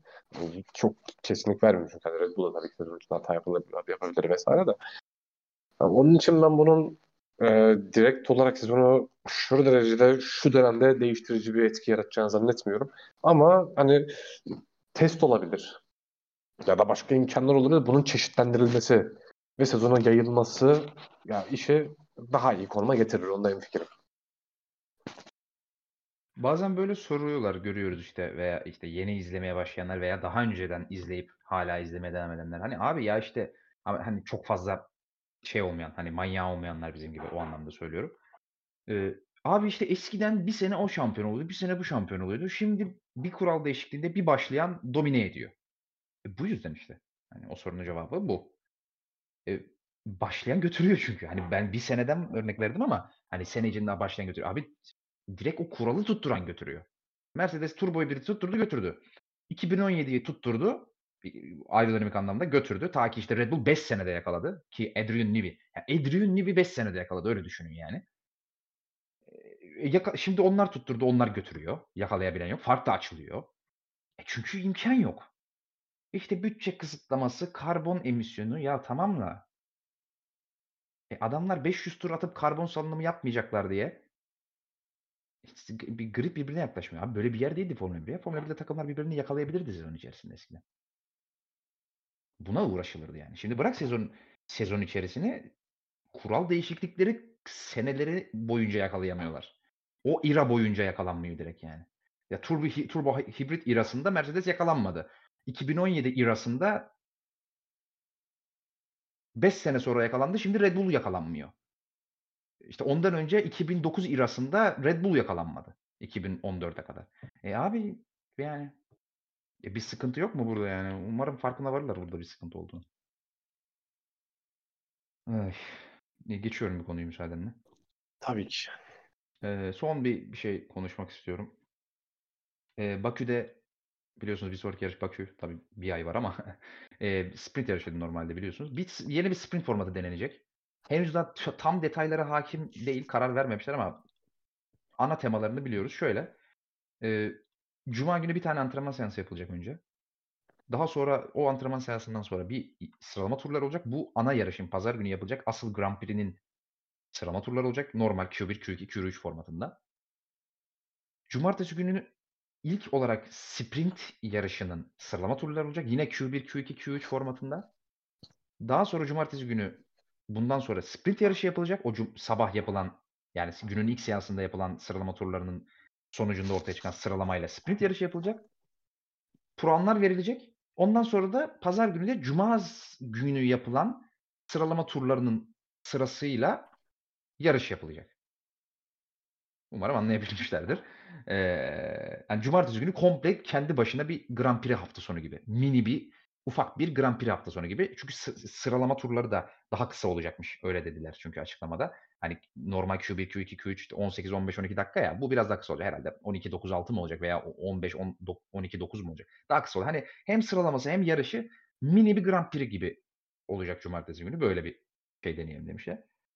Ya şunu anlamadım. Mesela konuşulmuş da bunu yer edilmiş anlamadım. Ya mesela abi niye bize iki tane Q1, Q2, Q3 izletiyorsunuz? Sıkıcı sıkıcı. Yani bize demişler ki tartışmış. Cumartesi günü sprintin sıralamasını one shot mı yapsak? Hani herkes tek tur mu atsa? Sonra bunu yok demişler. Ya bari öyle yapsaydınız güzel olurdu mesela yani. Atıyorum Verstappen dışarı taşardı. Ee, sprinte son sıradan kalkardı mesela. Veya, veya işte Perez dışarı taşardı. Son sıradan kalkardı o tek sıralama turda. Hata yapardı. Son sıra... Onu da yapmamışlar. İki tane Q1, Q2, Q3, Q3 izletecekler bize. Yani ne anlamı var anlamadım ama sorayım fikrini. Ne düşünüyorsun bu konuda? Deniyorlar bir şeyler. Abi e, zaten hani sprint ne kadar iyi işte Formula 1'in buna ihtiyacım var o bile soru işaretiyken şimdi direkt sprinti e, ayrı bir Grand Prix olarak değerlendirmek yani ya bana biraz macera aramak gibi geliyor. Ya evet hani bunu zaten e, Liberty Media ilk Formula 1 geldiğinde işte antrenman seansları işte ya da Cuma gününü daha ilginçleştirmemiz lazım. İşte bu gün hiç izlenmiyor. Evet abi bir şeyler yapılması iyi olabilir. Ya antrenman seansları zaten hep söylüyoruz antrenman seansları gereksiz uzun. Ya üç tane hatta bundan önce 90 dakikaydı. Bir buçuk saatlik antrenman seansları görüyorduk. E şimdi 60'a düşürdü ama o bile fazla. Ee, evet Cuma günü ilgi seçtirilebilir ama e şimdi senin de bahsettiğin gibi bir tane antrenman var. Muhtemelen o antrenman sonunda park forma girilecek. Çünkü direkt sıralama olacak. Sprint sıralaması. Evet. Ondan sonra yanlış hatırlamıyorsam yarış sıralaması mı yapılıyordu bir de? Cuma günü yarış sıralaması var evet. Ha, sprintin sıralaması da mı Cuma günüydü? Cumartesi sabahı. E abi Şimdi o zaman sprinte girilirken, sprint sıralamasına girilirken park firm'e girdin. Ee, bir tane Q1, Q2, Q3 attırdın sprint sıralaması için. Sprint'i yaptın. Puanları verdin. Zaten herkes hani bu durumda zaten sprinti işte takımların e, ne kadar safe yarıştığını ya da o şekilde davrandığını asıl puanlar pazar günü alınıyor. Önemli olan pazar günü şu zamanda bile hep söylediler. Hani, Formula 1 yönetimi e, bunu değiştirmeye çalışmasına rağmen hani, takımlar o konuda biz yine kendi çıkarımıza göre davranıyoruz. Hani cumartesi günü evet biz bir şeyler yaparız ama yani şey daha safe oluruz. Pazar gününe odaklanırız. Hani bu çok büyük bir değişim. Tam tersi yani bu duruma zarar veren bir durum. E şimdi sen, sen bunu aynı zamanda bir de sıralamanın üstüne atıyorsun. Ya sıralamanın formatına hiçbir şeyim yok. Sıralama normal sıralamanın Q1, Q2, Q3 bence Formula 1'in en iyi işleyen yönlerinden biri. Ama aynı zamanda sprint için sprinti yarıştan ayırıyorsan hani hem sprinte hem de onun sıralamasına farklı bir şey getirmezsen o izlenmez. Ya da senin amaçladığın işte Cuma günü de ilginç kılalım işte formülasyonu biraz daha değiştirelim. Ya fikrinden ya fikrini tam olarak uygulayamazsın. Hani hedefine ulaşamazsın bu şekilde. E çünkü yine aynı şekilde e, takımlar evet sprint sıralamasını önemseyebilir. Yani bu tamam ama sprint yarışını ne kadar e, yarıştaki gibi. E zaten biraz önce e, Pirelli mevzusundan konuştuk. Zaten takımlar yarışı bile e, daha lastikleri daha uzun tutabilmek için daha standart tempolarda gidiyorlar. E şimdiki sprint yarışlarında da bunun ekstrasını görmek hani çok çok zorlayan işte lastiklerin dibine kadar zaten lastik yetecek gibi bir durum da söz konusu değil. Hani zaten sprintin ben çok fazla bir şey kattığını düşünmüyorum. Yani normal sprint formatının. Yani bunun da çok bir etkisi bence olmayacak. Hatta bence bu sorun bile olabilir. Çünkü evet takımlar hani e, iki tane antrenman seansı yerine bir sprint bir de e, sprint sıralaması yapmış gibi olacaklar normal bir hafta sonunda. E, parça kullanımını e, en azından işte e, nasıl söyleyebilirim? Ya motorların ya da işte parçaların dayanıklılığı değişme süreci işte zaten 3 parçalarla 2 parçalarla sınırlılar. Hani buna çok aşırı bir etkisi e, olmaz çünkü zaten antrenmanlarda işte 20 tur atılıyor.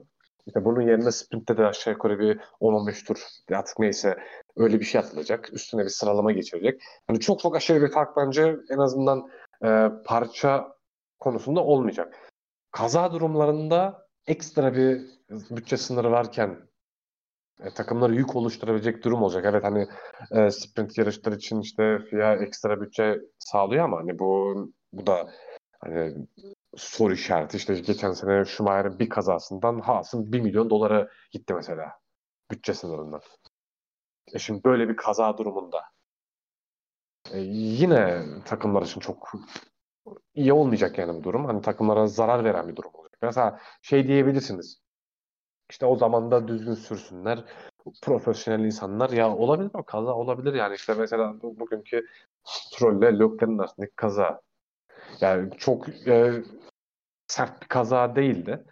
Evet Leclerc'in e, yarışı bitti ama yani düşünsenize orada Stroll'ün kaçacak bir yeri yok. Leclerc'in gidebileceği bir yer, bir yer yok. Stroll'ün sağında Alonso var. Yani hiç kimsenin gidebileceği bir yer yok yani. Oraya sıkışmışlar. Kaza oluyor. Hani bir suçlu yok değil mi burada? E şimdi orada çok ciddi hasarlar oluştu. E bir takım e, atıyorum işte ek olarak sprint için 300 bin dolar mı verdi FIA? E, bir buçuk milyon dolar hasar çıktı. E şimdi bu takımlara zarar verecek. E, bu takımlar daha sonra sprinti eleştirecek. E, ona göre yarışmaya devam edecekler. Ona göre kendini konumlayacaklar. Hani onun için e, çok çok ekstra bir şeyler eklemek ki şu an öyle bir şey yok. Ya farklı hem sprinte hem de sıralama turlarına, sprint sıralama turlarına çok ekstra işte işi ilgi, ilginçleştirecek farklı şeyler gelmezse mesela senin dediğin sıralama için işte one shot qualifying çok güzel böyle. Yani bu cidden hani sıralama işini zaten elimizde Q1, Q2, Q3 iyi bir sıralama kuralı var. Üstüne bir de böyle farklı bir şey gelirse sprint bu çok güzel olur. Ve aynı zamanda sprint için de farklı bir şeyler getirilmeli. Yani sprint de normal yarıştan biraz farklılaştırma. Evet puan olarak vesaire vesaire farklı ama yani takımların biraz e, evet bunu da almalıyız. İşte asıl puanlar pazar gününe kalıyor diyemeyeceği durumlar ortaya çıkmalı. Yani yoksa çok sağ işleyebilecek durumlar ya da nasıl söyleyeyim e, bir hafta sonu tamamen değiştirecek lan iyi ki oldu iyi ki olduğu denecek bir durum ortaya çıkacağını zannetmiyorum. Abi e, genel olarak uyguladıkları e, polisilere de çok aykırı. Ya mesela şimdi hep casual izleyicilere hitap etmeye çalışıyorlar ya yaptıkları değişikliklerle son senelerde hani mantıklı da yapıyorlar yani izleyici sayısını genişletmek Yani basitleştirmeye çalışıyorlar işin ön yüzünü özellikle. Abi şimdi açtı. Aa sprint varmış dedi. Neymiş falan açtı veya az biliyor diyelim sprint. Açtı şimdi cuma günü sıralama var. Ha okey tamam. Cuma günkü sıralamayla sprintte işte kalkıyordun ya. Okey. Cumartesi bir açtı. Aa bir daha sıralama var. Ha bu sprintin sıralaması, sıralamasıymış. Tamam. E, sprint yapıldı. Bir aldılar işte bir, bir Verstappen, iki Alonso, üç Lökler oldu sallıyorum. Sonra pazar günü bir açacak mesela şey bekliyor ya. İşte Verstappen, Alonso, Lökler kalkacak ya. Bir açıyor mesela Verstappen, Hamilton, Russell kalkıyor. Çünkü cuma günü Verstappen, Hamilton, Russell bitmiş mesela. Abi gene karıştırıyorsun. Ne, ne hangi sıralamayı, birinci sıralamayı o birinci bitirdi, ikinciyi o birinci bitirdi, sprint o bir, bir bu zaten casual'lar için felaket. Kafa karışıklığı yaratıyorsun. İki, e, sen az önce söylediğin işte zaten sprint umursamıyorlardı çok fazla. Ki orijinal sprint formatında e, sıralama da önemli. Hani orada aldığın sıralamayla yarış. E şimdi sıra, o aldık sıralamayla yarışa da başlamayacaklar. Yani mesela takımları cumartesi gününü salmak çok bir şey kaybettirmeyecek takımlara mesela. Rölanti'de gitmek çok bir şey kaybettirmeyecek takımlara. Komple cumartesi. Çünkü pazara hiçbir etkisi yok. Yani cuma sıralaması ve pazar yarışı en önemlisi. Sen cumartesiyi komple ikinci plana atıyorsun. Ya bu- buna nasıl oturup karar verebiliyorlar? Hakikaten çok acayip ya. Yani ne diyeyim çok konu ben bir, bir kere yapılıp daha fazla yapılmayacağını düşünüyorum. Zaten bir deneme olacak yani. Ben bir kereliğe mahsus bir şey olarak e, hafızalarımıza yer edeceğini düşünüyorum şahsen. Abi bir de bununla ilgili şunu eklemek istiyorum. Hani bu karar sezon öncesi verilmiş olsa sezon başlamadan anlaşılabilir. Hani en azından hani şey için söylemiyorum. Hani yarış zevki hafta sonu zevki olarak söylemiyorum. E, Çünkü takımlar da bir sezon planlaması yapıyor doğal olarak. Ne bileyim işte kullanılacak parçaları ya onlara göre planlamalar yapıyor. Şimdi sezon ortasında hatta bir sonraki 3 hafta sonraya göre takımlar yeni planlama yapmak zorunda kalacak. Yani bir değişiklik yapılıyor. Yani bu ba- ba- tamam çok çok aşırı etki edecek bir durum değil ama sonuçta bir değişiklik. Ve bir yarış hafta sonu tamamen değiştiriyorsun. Ve bu bir, bir hani yaklaşan 3 hafta yarıştan 3 hafta önce yapıyorsun. Daha hatta 3 hafta bile değil. Tamamen kesinleşmedi nerede ne yapılacağı. E, takımlar e, bir plan var. Hop baştan bir plan çizmek zorunda kalacak. Ama takımlara da böyle bir zararı var aslında. Aynen öyle. Ya yok abi işte bu tamamen neden biliyor musun işte? A- a- asıl yarışı heyecanlı hale getiremediğin için bu konuştuğumuz sebeplerden dolayı pit stopların olmaması, takımların birbirine yaklaşamaması, field'ın işte genel olarak aralarının açık olması falan. E böyle saçma saçma şeylere giriyorsun işte. Devam et sen. Ee, tamam iki saate vardık zaten. Bu sezonki en uzun podcast'imiz oldu. Ee, biraz yarış dışı konuları fazla konuştuk. Fazla uzadı. Bu kadar konuşmamızı beklemiyordum ama e, öyle oldu. Kusurumuza bakmayın diyelim. Buraya kadar dinleyenler varsa. Umarım keyif almışsınızdır. Hani biraz genel Formula 1 gidişatı hakkında da konuşmak istedim çünkü. Ee, bir şey mi söyleyeceksin? Yo, seni dinliyorum. Ha, mikrofonunu açtın da bir şey söyleyeceksin sen. Aha. Ee, kapatalım artık. Tahmin falan yapacağım. Bir ay sonraki yarışın en tahmini zaten. Tahmin falan yok. Ee, Ya Verstappen kazanacak zaten ya. aynen tahmin falan yok. Ee, teşekkür ediyorum Koraycığım. Ağzına sağlık. Ben teşekkür ederim. Senin ağzına sağlık. Ee, umuyoruz. Ya bir ay ara var. Yani şu Çin'in yerine bir Grand Prix sokmayan FIA'ya buradan hatta Liberty Media'ya buradan selamlarımı iletiyorum. Ee, artık arada bir podcast çeker miyiz? Ekstra bir durum olmazsa çekmeyiz diye tahmin ediyorum. Belki sıkılırsak bir şeyler doldururuz. Söz vermeyelim ama normal şartlarda Bakü'den sonra görüşmek dileğiyle. Ee, hoşçakalın efendim. Teşekkürler. Hoşça kalın.